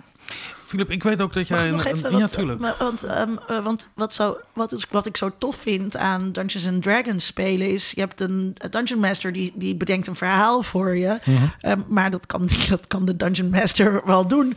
Maar eh, we deden het luikje helemaal niet open. Eh, en dus we gingen daar helemaal niet heen. En eh, Ja. al die dingen die de Dungeon Master had bedacht achter het luikje... ehm, daar lopen we gewoon eh, aan voorbij. En het idee dat je samen zo'n eh, verhaal maakt... binnen wat soms wel eindeloos veel mogelijkheden lijken... ehm, dat zie je ook in, in, eh, in games eigenlijk niet, niet terug. Omdat dat, omdat dat niet te doen is qua kosten. Ja, Je kan altijd maar zoveel scenario's in een game stoppen als maker. ja, bij Dungeons and Dragons noem je dat dan railroading. Hè? Dus dat, er, dat de, degene die achter het verhaal zit eigenlijk één lijn bedacht heeft... en dat je die volgt, ja of nee. Eh, en inderdaad, bij games, bijvoorbeeld bij een Grand Theft Auto, eh, deel, noem het maar op... eh, staat bekend om het zijn van een open world, van een sandbox game. Hè? Dus het is een ontzettend vrije wereld waarin je je heel vrij kan bewegen. Maar ja, uiteindelijk komt het toch neer op dat jij het moment kiest wanneer jij voor Tony auto's gaat stelen. En dat jij het moment kiest waarop je met Barbie naar het strand gaat. Maar die, als je eenmaal dat, die submissie zeg maar aanvaardt, dan gaat verder die missie zo door zoals de makers voor jou bedacht hebben. Terwijl bij D&D moet eigenlijk de Dungeon Master, dus degene die het spel voorzit, die kan veel beter een story world verzinnen en rekening houden met ze kunnen inderdaad alle kanten op nu, dan dat er per se één plot bedacht wordt. Ik weet nog heel goed dat ik voor het eerst in een soort race-spelletje van de weg afging en dan maar tot aan de horizon ging rijden. Ja. Dan, nou, dan, soort- ik- ja. dan, stopt hij, dan stopt hij op een gegeven moment wel. Ja, ja. Maar dat doet hij helemaal niet. Nee. Het, het perspectief draaide gewoon om. Op een gegeven moment draai je gewoon weer naar die snelweg toe zonder dat je daar eh dat Met erg tegen de muur van, de, van Truman's koepel ben je dan Precies, Ja, ja, maar die buigt ja. zich eigenlijk om waardoor je weer, eh, weer terug Prachtige scène trouwens is het moment dat Truman met zijn bootje... Dat, dat die, dat, tonk ja, doet. Ja, Ja. ook die totale understated klonk is Ja. het zo. Ja, dat, dat maakt het ja, echt ja, heel ja. mooi. Ehm, je hebt ook een, eh, een, een nou ja... Zie ook hoeveel plezier wij hier beleven in het herkennen van dit gedeelde verhaal. Zeker. Oh, ik heb twee weken last gehad van die film van The Truman Show. Toen dacht ik echt, toen dacht ik overal om me heen dat iedereen aan het acteren was en dat alles nep was, ja. Ja, ja, ja, Ja. ja. maar dat Ja. kan niet, want de wereld draait om mij, Philip. Jou. Eh, nou, oké, dat is dan weer een geruststellende gedachte. We gaan weer een onderwerp aansnijden waar ik helemaal niets mee heb eigenlijk. Ik was, eh, eens even denken, in 1977 Philip, was ik in de Efteling. Eh, daarna nooit meer geweest. Brabant, heb je dat ja, Anton overleefd? Pieck zat net in zijn puberteit, denk ik. Ehm, Ik ben heel benieuwd waar dit heen gaat. Ehm, spatial storytelling. Is dat wat, wat, eh, wat gebeurt in pretparken? Is dat Ja. wat we daaronder verstaan? Eh, ja, dus dat is ruimtelijke eh, storytelling, spatial storytelling. Dus ehm, je gebruikt de omgeving mm, om daar allerlei hints in te stoppen, allerlei eh, narrativiteit in te stoppen om een verhaal te vertellen. Ehm, dat zie je in het echte leven trouwens ook. Hè? Ik bedoel, als je op de Universiteit Utrecht rondloopt, dan zie je dat die gebouwen, althans niet als je naar de Uithof, pardon, Utrecht Science Park gaat, als je in de binnenstad blijft, dan Misschien zie wel je het beste science park Ja. van Nederland. Ja, het was ook niet de enige uithof, dus misschien dat het daar... meest centrale. Als je dan in de binnenstad daar bent, dan zie je dat de universiteit in ieder geval niet gisteren gestart is, 1636. Maar goed, dan zie je dat het oude gebouwen zijn. Dat er wel door de tijd heen hier en daar wat nieuwe dingen aan toegevoegd zijn. Eh, maar inderdaad, in de Efteling, om daar maar even bij te blijven dan. Als je daar doorheen loopt, dan is dat inderdaad allemaal vormgegeven aan de hand van een wereld van Anton Pieck en mensen die daarna daarop doorgegaan zijn. Ehm, om inderdaad een soort story world te creëren waarin jij als bezoeker dan wel of niet bepaalde hints eh, gaat ontdekken. En, maar ben je dan... Want wa- in het begin hebben we gezegd... Een verhaal, er moet een bepaalde wending in zitten. Er Ja. moet een, eh, een- Ja. In hoeverre kan je dan spreken van dat het een verhaal is waar je in zit? Of is het de storywereld waarin jij zelf je eigen verhaal maakt?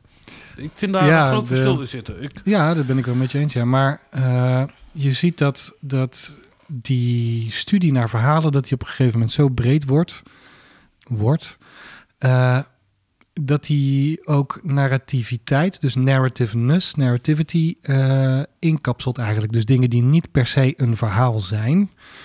Niet iemand die jou iets vertelt met een begin en een midden en een ontwikkeling en een eind.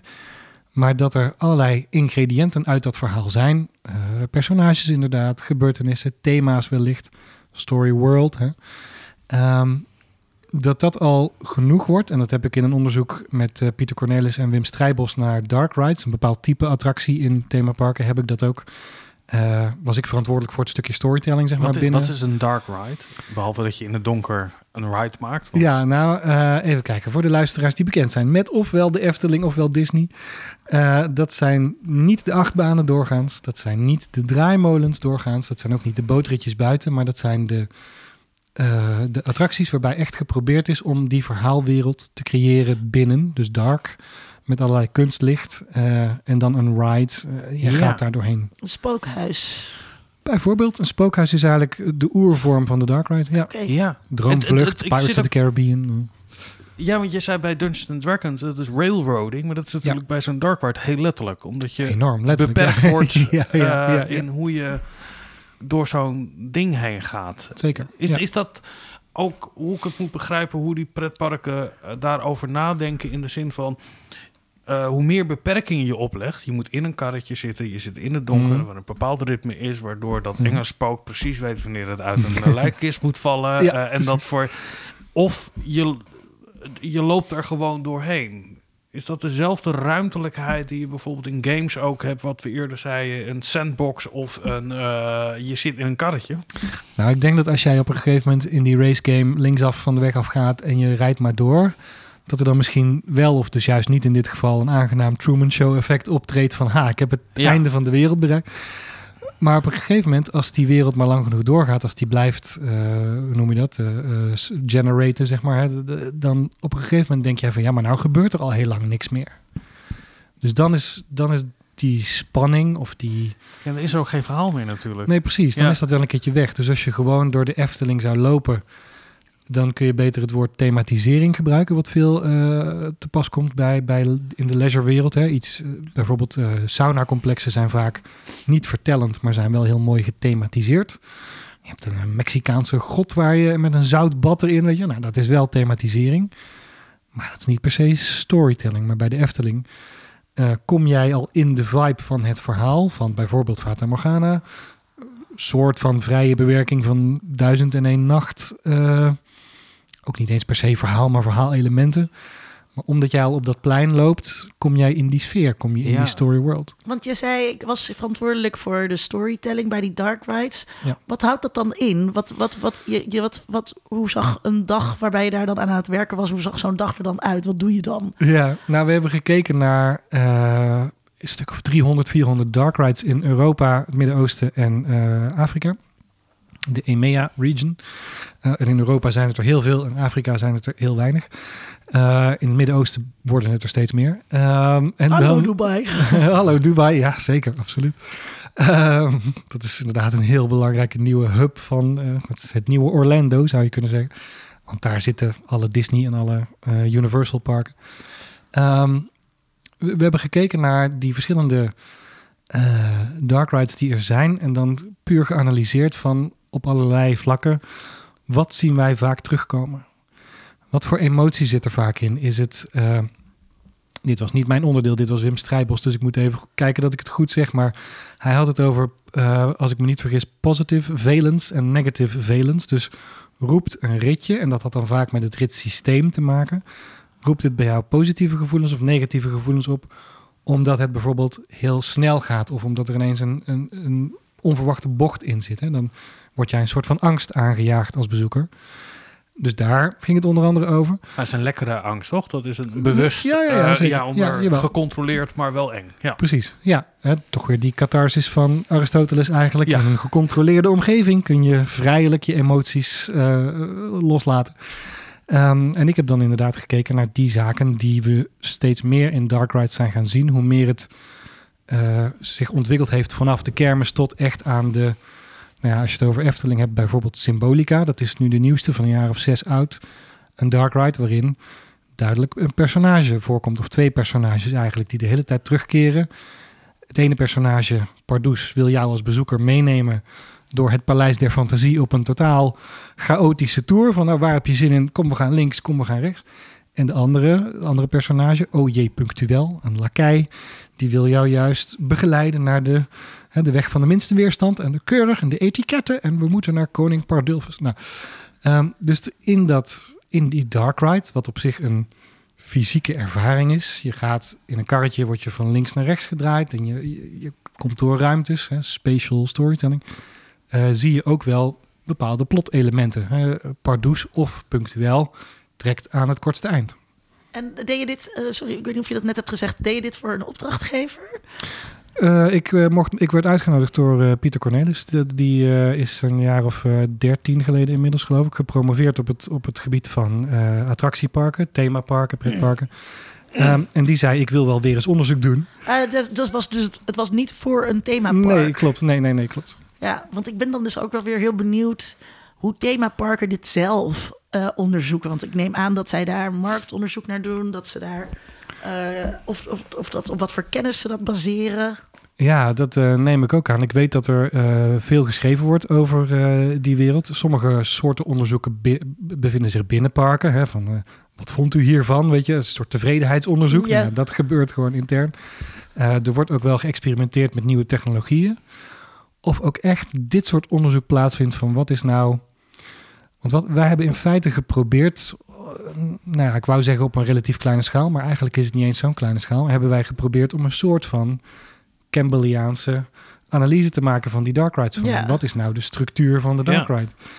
Ehm, dus ja, dat binnen parken gebeurt dat niet zo, omdat er vaak toch, net als bij de grote Hollywood studios, natuurlijk toch een soort van bescherming zit van ja, maar dit is onze dark ride en, en zo hebben wij het aangepakt. Dus de Disney Imagineers zitten er niet per se op te wachten dat die Brabo's in de Efteling, zeg maar, dat die hun geheimen kennen van de Maar- werkvloer. Ik moet, dus, ik moet denken aan ehm, onderzoek naar eh, hoe, s- hoe s- eigenlijk televisiemakers hebben, baseren zichzelf bij wat werkt op televisie. Mhm. Op een soort van mengeling van, eh, van ervaring, aannames over het publiek. Dat is Ja. eigenlijk verbazingwekkend voor een industrie die zo veel geld kost en zo gericht is op risicoreductie. Ja. Is het ehm, gebaseerd op verrassend weinig eh, marktonderzoek, zeg maar, of publieksonderzoek. Ja. Daar zijn ze helemaal echt niet mee bezig. Eh, en sommige makers die zijn gewoon goed in succesformules eh, vinden. En dat, en dat is dan hierbij denk ik vast ook zo. Terwijl je dan van jullie onderzoek heel veel zou kunnen leren. Ja, dat denk ik ook. Ja, grappig genoeg was dat ook een van de conclusies van Pieter Cornelis 13 jaar Ja. geleden. Dat heel veel pretparken en themaparken het heel erg op vingerspitsen gevoel deden. Ja, precies. Ehm, ehm, maar ehm, wat je... Ik word even Ja, afgeleid door een Philip kat wordt hier. belaagd. Je kan, je, kan er gewoon, eh, je kan er ook gewoon op de grond zetten. Nee, ik vind het beren gezellig, alleen Ah, ja. raak Geef ik wel mijn map, eh, joh. train of thought eh, kwijt. Even kijken, wat was de vraag? Eh, Eh, eh, je zei het was eh, de conclusie van, eh, van Pieter Cornelis. eh, de, oh ja, oh ja, de dat vingerspitsengevoel.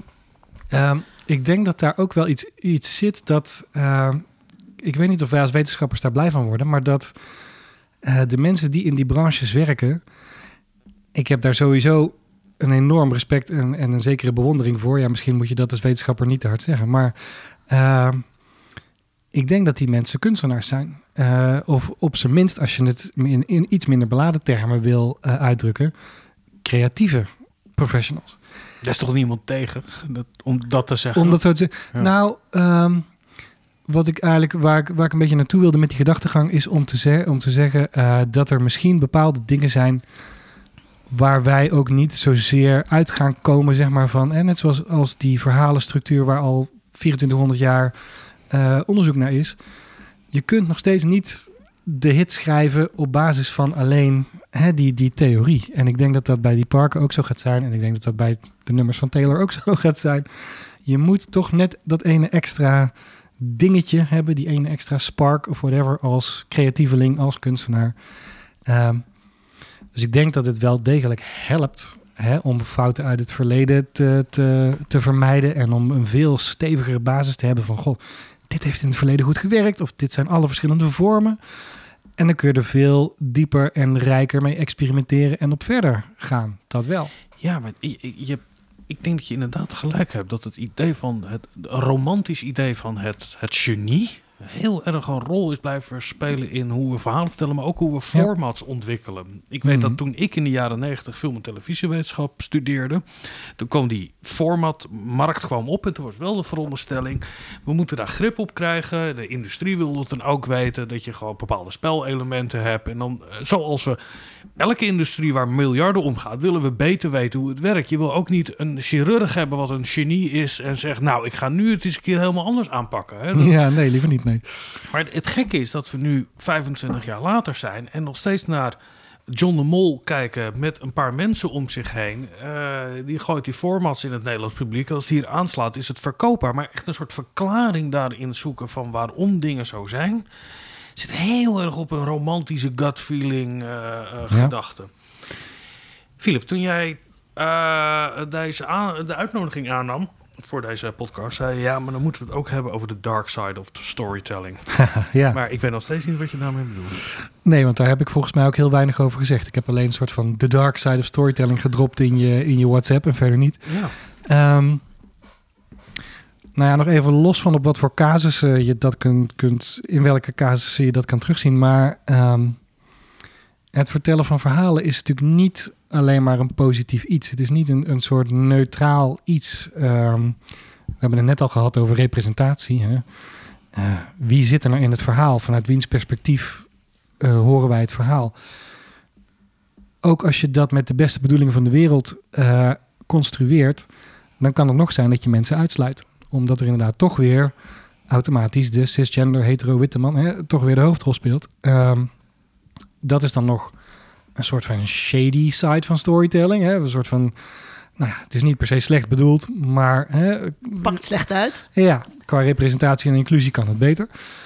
Maar er is ook wel echt een dark side. Ehm, als we teruggaan in de filmgeschiedenis, Leni Riefenstahl was daar een schitterend voorbeeld van. Eh, zij was een ontzettend goede filmmaker, kunnen we op technisch vlak wel zeggen. Maar ze heeft dat ingezet om de nazi-ideologie te, te propageren in de jaren 30, 40. Dus als je een ontzettend begaafde storyteller hebt, wat voor begaafde kunstenaar dan ook, maar in dit geval storyteller, en die persoon heeft heel kwalijke gedachten, ja, dan kun je daar best wat schade mee. Looking eh, at you, J.J. Abrams. Oh help, we gaan van Riefenstahl naar Abrams. Wat, wat heeft hij gedaan? Small step. Is dit eh, Oh, Star Wars ja, Star 9? Wars. Of, ja, eh, ja, ja, ja, absoluut. Ik zat te Eh. denken dat je ermee bedoelde dat eh, in, in, in de politieke Ja. eh, arena hoor je heel vaak fra- hè, de- het toverwoord. Iemand heeft iets opgepikt, namelijk het is framing.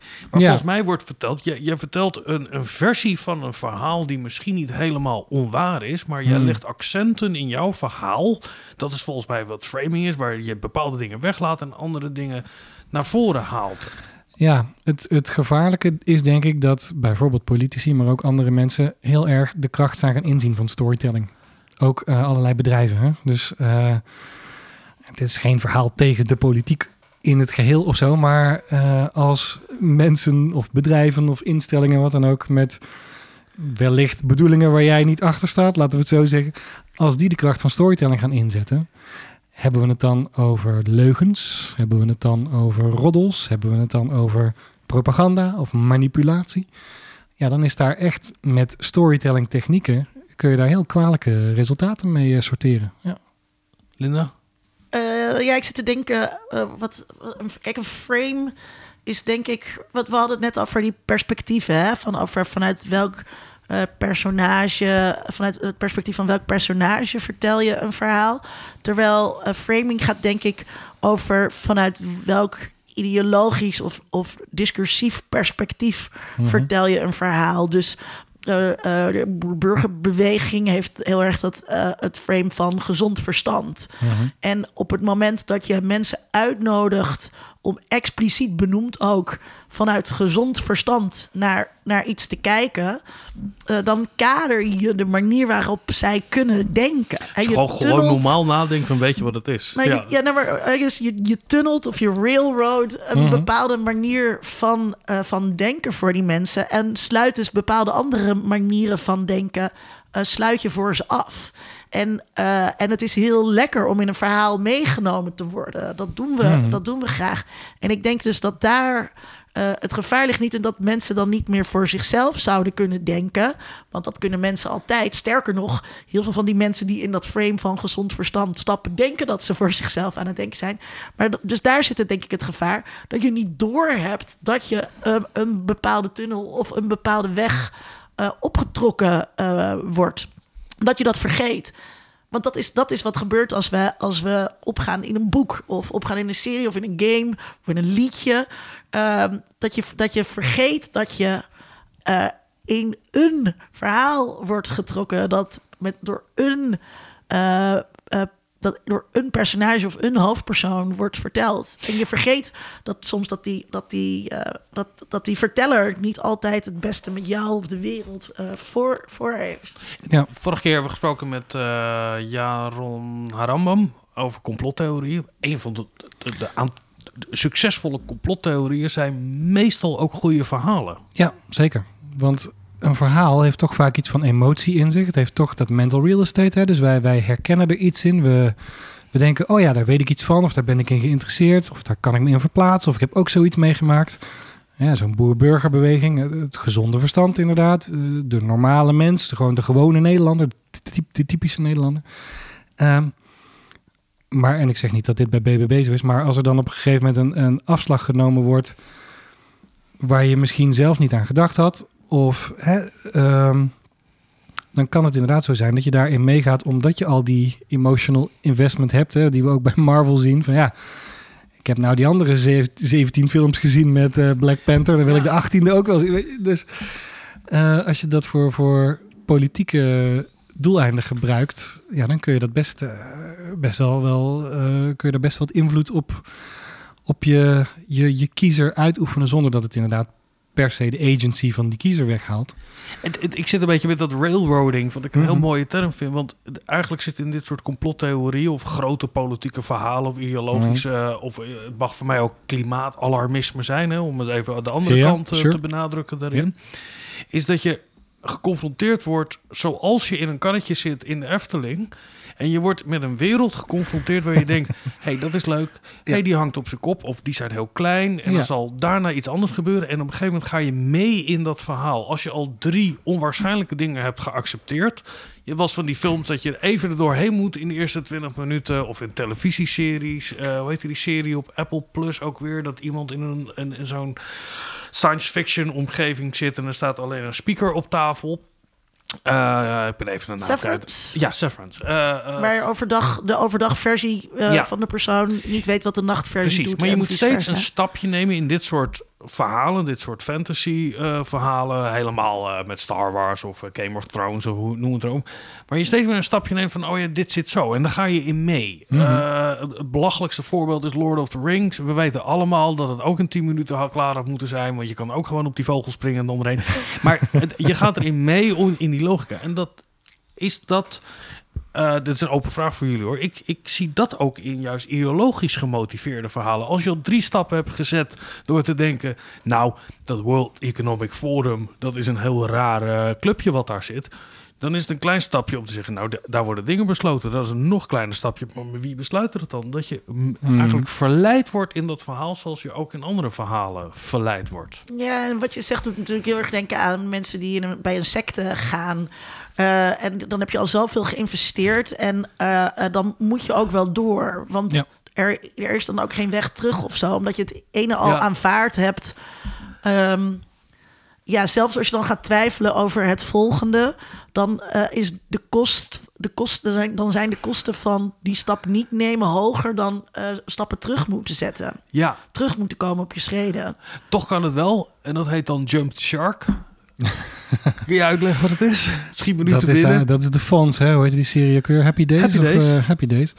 Eh, dan gebeurt er iets zo aparts in, in dit geval de televisieserie, dat je als publiek eigenlijk massaal afhaakt. Dat je denkt van, nou, maar dit is wel zo Ja. raar. Sinds de vierde Indiana Jones film hebben we daar ook een synoniem voor, nuking the fridge. Dan gebeurt er zoiets geks. dat jij totaal niet... ver- Want als we bij verhalen vertellen het hebben over er moet een twist in zitten. Ja, maar het moet wel een twist zijn waar je als publiek in mee kan.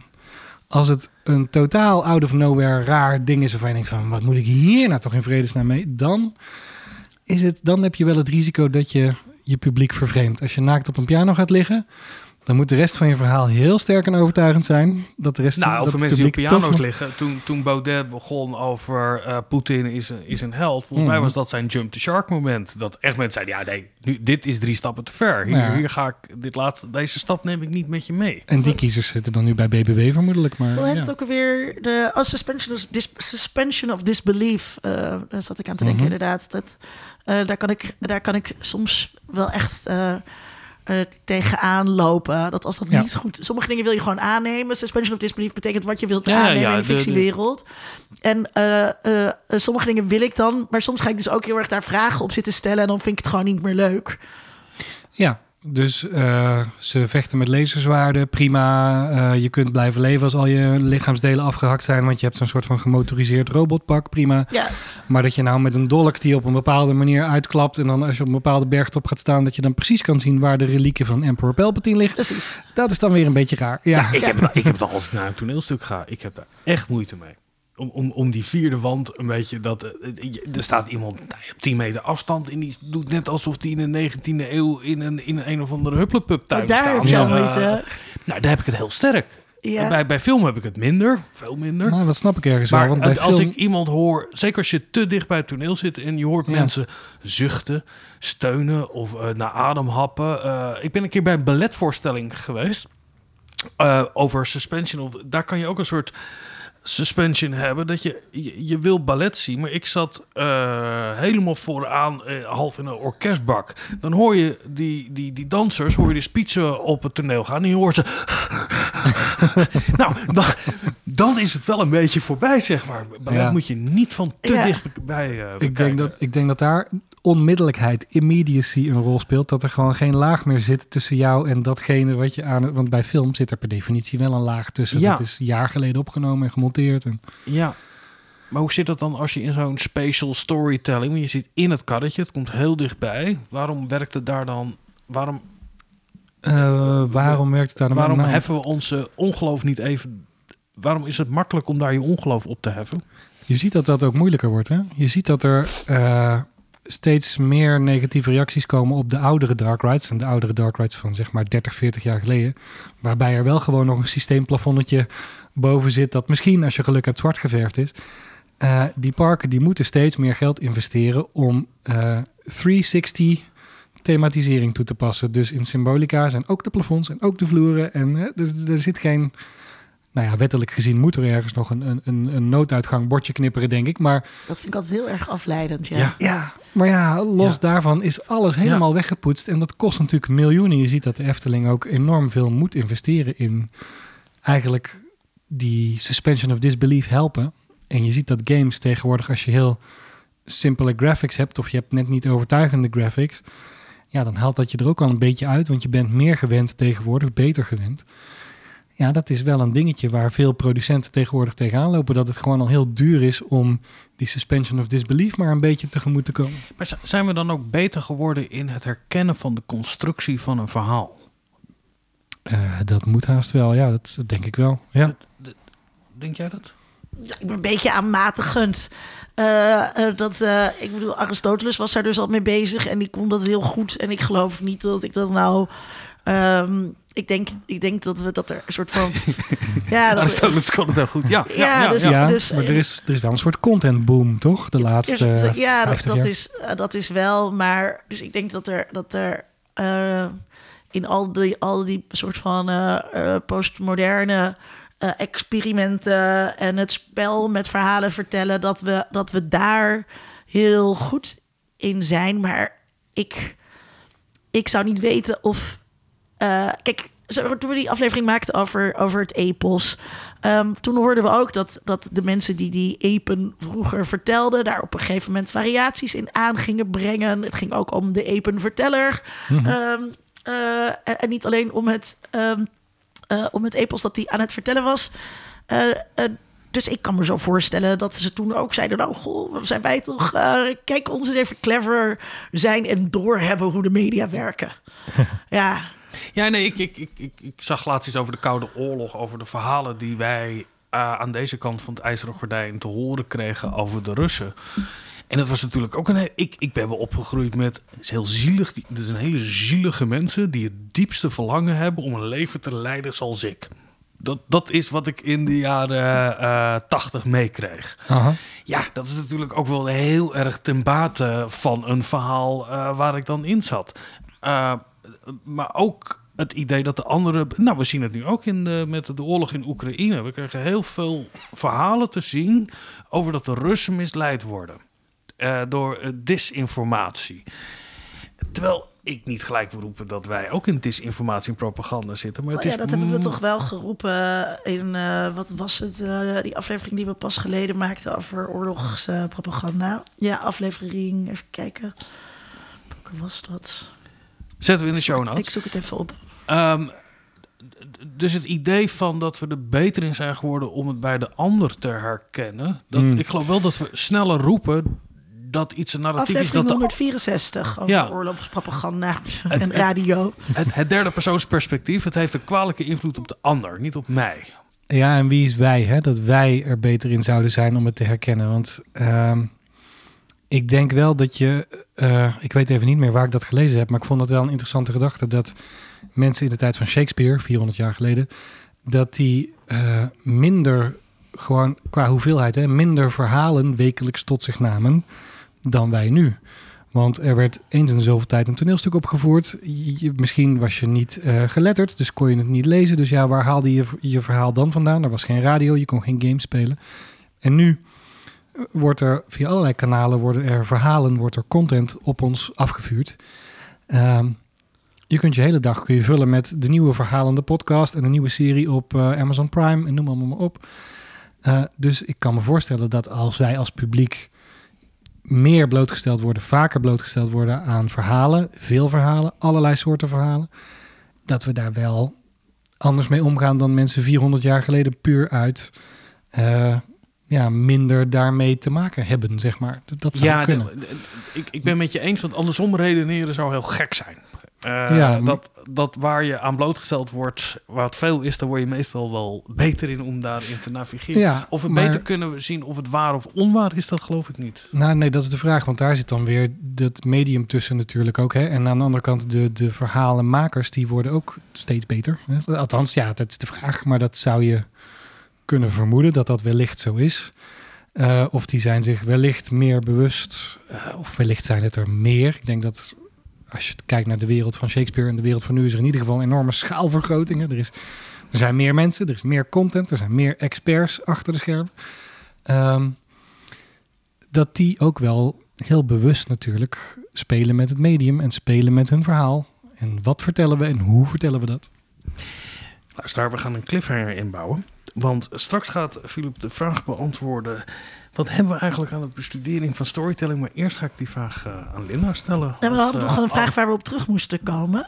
Oh, dat, ik heb mijn administratie niet bijgehouden. Oh, nee, dat want dat eh, was uh, uh, de vraag aan mij of ik uh, verhalen vertel. Oh ja, vertel je verhalen. Ja, en dat, en, maar als ik nu zo dit allemaal heb um, aangehoord, dan denk ik, ja, ik vertel wel uh, verhalen. Want ik ben Mhm. heel duidelijk bezig met, um, met bepaalde perspectieven. Mhm. Uh, met bepaalde perspectieven presenteren uh, op fenomenen waarbij um, uh, ik probeer mensen te laten vergeten ook dat dat een perspectief, dat dat een perspectief is. Want ik presenteer het wel als het uh, perspectief. Aha, ja. Ja, dus ik denk dat dat... Is dat een goed antwoord? Je speelt met jouw autoriteit als auteur. Of, uh, hè, Ook als, ook als wetenschapper. ja, Ja, ja. ik kan dat, ik kan dat goed inzetten. Uh, vanuit onderzoek weten we... Waarbij ja, je, je soort van neutraliteit overbrengt. Terwijl iedereen die zelf wetenschap bedrijf, bedrijft... weet dat er helemaal niet zoiets is als vanuit wetenschap weten we dit. Ze zijn altijd, zijn altijd scholen. Maar het er verbaast altijd al dat jij dat zei. Want als jij een, een, een, een boek gaat schrijven, eh, dan ga je ook nadenken. Dat doe je ook in vijf actes. Waarin je gaat nadenken over in een eerste hoofdstuk set, setting, eh, hè, setting the stage. Eh, wie hebben we allemaal mee te maken? En dan een verdieping erin. Er moet ergens een hoofdstuk komen waarin het vanuit een ander perspectief. En dan een soort concluderen. En dan komt eigenlijk alles wel weer redelijk goed. Je hebt al is nog het. Nooit een boek van mij gelezen. Nee, dat is waar. Maar als jij. Die zijn helemaal niet op die eh, manier opgebouwd. Nee. Nee, maar als je nadenkt over een hoofdstukindeling, daar zit daar toch een narratologische opbouw in. Nou, bijvoorbeeld eh, mijn... eh, Je begint met een Dole- inleiding. Ja, maar bijvoorbeeld Dolomites en, eh, en eh, eindelijk weten wat eh, seks is. Eh, daarin volgen hoofdstukken een heel duidelijke soort van narratieve structuur. Die, eh, eh, het is niet erg hoor dat je, dat, dat je dit niet hebt We gelezen. lezen maar, elkaars werk nooit. Ja. eh, ik, eh, nou, dat is, dat is- ik lees niet alle beleidsvisies die jij schrijft. Eh, maar eh, eindelijk weet wat seks is. Elk hoofdstuk gaat, eh, begint met een paragraaf. Wat is er aan de hand? En dan een paragraaf. Hoe is dat zo gekomen? En een paragraaf kan het ook anders. Als jij eh, je proefschrift gaat schrijven, Philip, eh, wat wordt dan een narratologische structuur voor je proefschrift? Nou ja, hier zit inderdaad wel iets in van gebruik je narratieve technieken. Dus gebruik je elementen uit dat hele... Ja, het is niet een pantheon, maar ik heb er even geen ander woord voor. Maar alles rond storytelling. Of is het echt 100% een verhaal? Hè? Dus, dat Ja. is, dus je gebruikt duidelijk wel narratieve technieken. Maar wellicht zou je het nog steeds niet echt een verhaal noemen... waar je dan als product op uitkomt, zeg maar. Ja, dat kan. Eh, mijn proefschrift was de vraag. nou ja, kies je voor een narratieve structuur. Kies Maar je voor had- ik narratieve had- structuur? we, waren eigenlijk al aangekomen bij het inlossen van de, van, van, van, van de cliffhanger, namelijk Mhm. de vraag. Ehm, ik ga een andere vraag stellen dan dat ik in het draaiboek had gezet, eh, Philip. Want ehm, waarom is het eigenlijk Twist. belangrijk dat we storytelling eh, bestuderen? Waarom is het belangrijk dat we storytelling bestuderen? Ik denk omdat storytelling iets typisch menselijks is. Iets wat alle mensen vroeg of laat wel eens zullen doen. Als je al thuis komt na je werk of naar school of naar studie. En je vertelt aan je huisgenoot, aan je ouders, aan je kat, vertel je hoe je dag was. Dan doe je dat vaak toch in de vorm van een verhaal. Dus op heel kleine schaal, op heel persoonlijke schaal, vertellen wij allemaal verhalen. Dus het is iets zo diep menselijks. En dan vervolgens wie heeft de macht om dat verhaal te vertellen? Wie heeft toegang tot media om dat verhaal breed te delen? Wie verdient aan verhalen? Wat zijn dan de verhalen die we vertellen? Wie spelen daarin grote rollen? Wie spelen ondergeschikte rollen? Dus wat, wat toch vanuit dat idee wellicht van hè, what you can't be, what you can't see. Nou, misschien is dat niet helemaal waar, maar misschien helpt het wel als je bepaalde voorbeelden hebt. Ehm, en misschien werkt het tegen als, je, als het op een bepaalde manier, eh, als, je, als je neergezet wordt in verhalen die je niet zou verwachten of waar je het niet mee eens bent. Weer die andere manier van, eh, van deconstrueren. Nee, niet. hoe heet het? Kom. Als je een verhaal tot je neemt en je leest het op een bepaalde manier. Oh, je gaat, decoderen. Decoderen, dank u, dat was hem. Decoderen.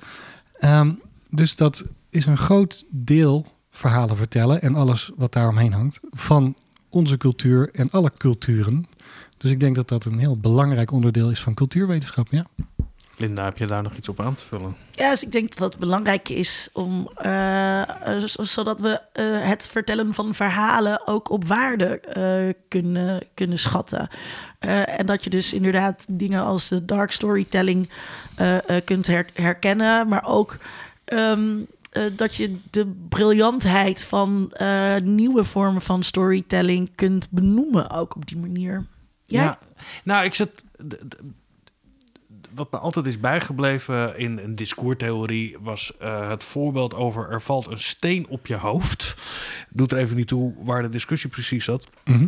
Maar de betekenis daarvan, beschrijven Leclau en Move, is volstrekt afhankelijk van hoe je eigenlijk dit in een verhaal plaatst. Hoe je daar een betekenis aan geeft in een oorzaak- en gevolgrelaties. Als je zegt, ik ben een slecht mens en God heeft me nu gestraft en nu heb ik een steen op mijn hoofd. Dat is een hele andere werkelijkheid die daarmee gecreëerd wordt. Dan als je zegt, waarom heb ik, oh, ik had net pech dat ik hier liep. Of dat je misschien denkt, nou fijn dat ik hier liep en niet mijn geliefde naast mij, dat ik die steen kon wegkoppen voor haar. Het zijn allemaal precies dezelfde gebeurtenissen. Dus, maar grip te krijgen op de werkelijkheid begint eigenlijk over hoe we gebeurtenissen die elkaar opvolgen gaan begrijpen.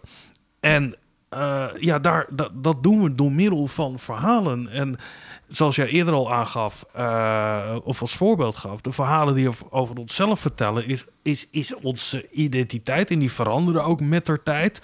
En zelfs gebeurtenissen uit het verleden, naarmate je ouder wordt, kunnen die ook weer een andere betekenis krijgen. Die komen in een andere verhaalstructuur terecht als je terugkijkt op je eigen jeugd bijvoorbeeld. Of hoe je kijkt naar eh, de toekomst. Ik ben nu 47. Toen ik 22 was, was 47 oud. Nu, nu vind nu ik nog steeds dat, oud. nu nog steeds, volgens Linda is dat nog steeds oud. Volgens mij is dat... iedereen is dat eh, oud. eh, is dat er is van niemand die dat, niet, die dat niet... Er is niemand meer die dit nog jong vindt, Vincent. Nee, dat zeg ik ook niet. Maar ja, dit soort begrippen over hoe geef je er betekenis aan in een temporeel gegeven. Het leven zelf. Hè? Wanneer ben je... eh, Je bevindt je eh, nog niet in de nacht, Vincent, maar dit is wel echt de avond van je leven. Het is, nou, de schemering is wel ingetreden natuurlijk, eh, Linda. Kortom, ik, ik, ik kan me eigenlijk... Het, het, ik kan me eigenlijk niet iets fundamentelers voorstellen voor cultuurwetenschappen dan, eh, dan verhalen. Nou, dat hoor ik graag. Ja, beste luisteraar. Ehm, dit was aflevering 172 van Onder Media Doctoren. Dus we hebben al heel veel verhalen erop zitten. Ik zat even te denken, we hebben al wat voorbeelden genoemd... waarin we het ook over verhalen hebben gehad. Eh, of over epen. Eh, Zal ik, wilde- ze even, zal ik ze even Ja, noem opnoemen? jij eens even wat die voorbeelden. ik even, die ik even erbij eh, bij heb gezocht. Ehm, aflevering 18 over het nieuwe televisie kijken. Gaat heel erg over storytelling en hoe dat met streamingdiensten is veranderd. Ja, Aflevering en sindsdien ook weer veranderd. Ja, hè? mogen we wel een remake Ja. van maken. Aflevering 28, remakes over adaptaties, eh, eh, hertellingen, et cetera. Ehm, aflevering 163 dus, over het epos. Aflevering 164, eh, waar ik het over had, oorlogspropaganda. En dan met name via de radio. In dat kader ook aflevering 19, die we oorspronkelijk maakten over oorlogspropaganda. En dus aflevering 171, de vorige aflevering over complotdenkers. Ja, En we moeten ook nog een andere aflevering in het zonnetje zetten. Met eh, onze Beatrice Ritsma is helaas ons ontvallen. eh, bij ons te gast in de aflevering over moderne manieren, moderne etiketten. Eh, Aflevering eh, 132. Ja, zij is niet meer onder ons, maar wij kijken daar met ontzettend veel plezier op terug. Ja. Dus bij deze. Als je wilt weten hoe zij storytelling deden, want dat was ook heel erg storytelling. Absoluut, ja. ja. ja. en het ging ook heel erg over context en story en, en oorzaak- en gevolgrelaties. En, maar de manier hoe zij dat beschreef, hebben wij eh, altijd, eh, wisten wij allebei toch, Eh, met Ja. veel plezier gelezen. Alla, eh, wil je ons steunen? Word je een vriend van de show? Ben je een Patreon? Dat is eigenlijk ook rollen die je inneemt. Hè? Want, want dat, dat zit ik nu aan te denken. Het heet dan Patreon of vriend van de show. een soort van, Ja. Je mag niet weg voordat je hier aanmeldt als vriend van de show. Eh, nee, nee, maar je, je komt gelijk in een narratief terecht. Als vriend van de show, dat vind ik ook, daar hoort gelijk Ja. een verhaal bij. Of dat je erbij Patreon, hoort. Of Patreon, dan, dan ben je... Je kan beter Patreon Hoe dan wil je vriend. je van- verhouden tot ons? Ja. Mag ook allebei. Net zoals eh, Matthijs van Listonk dat bij een van de twee heeft gedaan. Dankjewel Matthijs. Eh, en je kan ook naar de website. Dan kan je gewoon een eenmalige donatie doen. Eh 99 euro is een heel mooi rond bedrag. En ook een dramatisch bedrag. En wil je weten waarom? Doneer. Je kunt ons ook steunen door eh, eh, naar deze podcast te luisteren. En vertel er iedereen over. Dankjewel Filip dat je hier was. Heel veel dank. Dankjewel Linda. Volgende keer gaan we met Geert Bulens praten over de kunsten en de crisis. Tot dan! Tot dan. Onder Mediadoktoren is een podcast van Vincent Kronen en Linda Duits. Meer informatie vindt u op ondermediadoktoren.nl.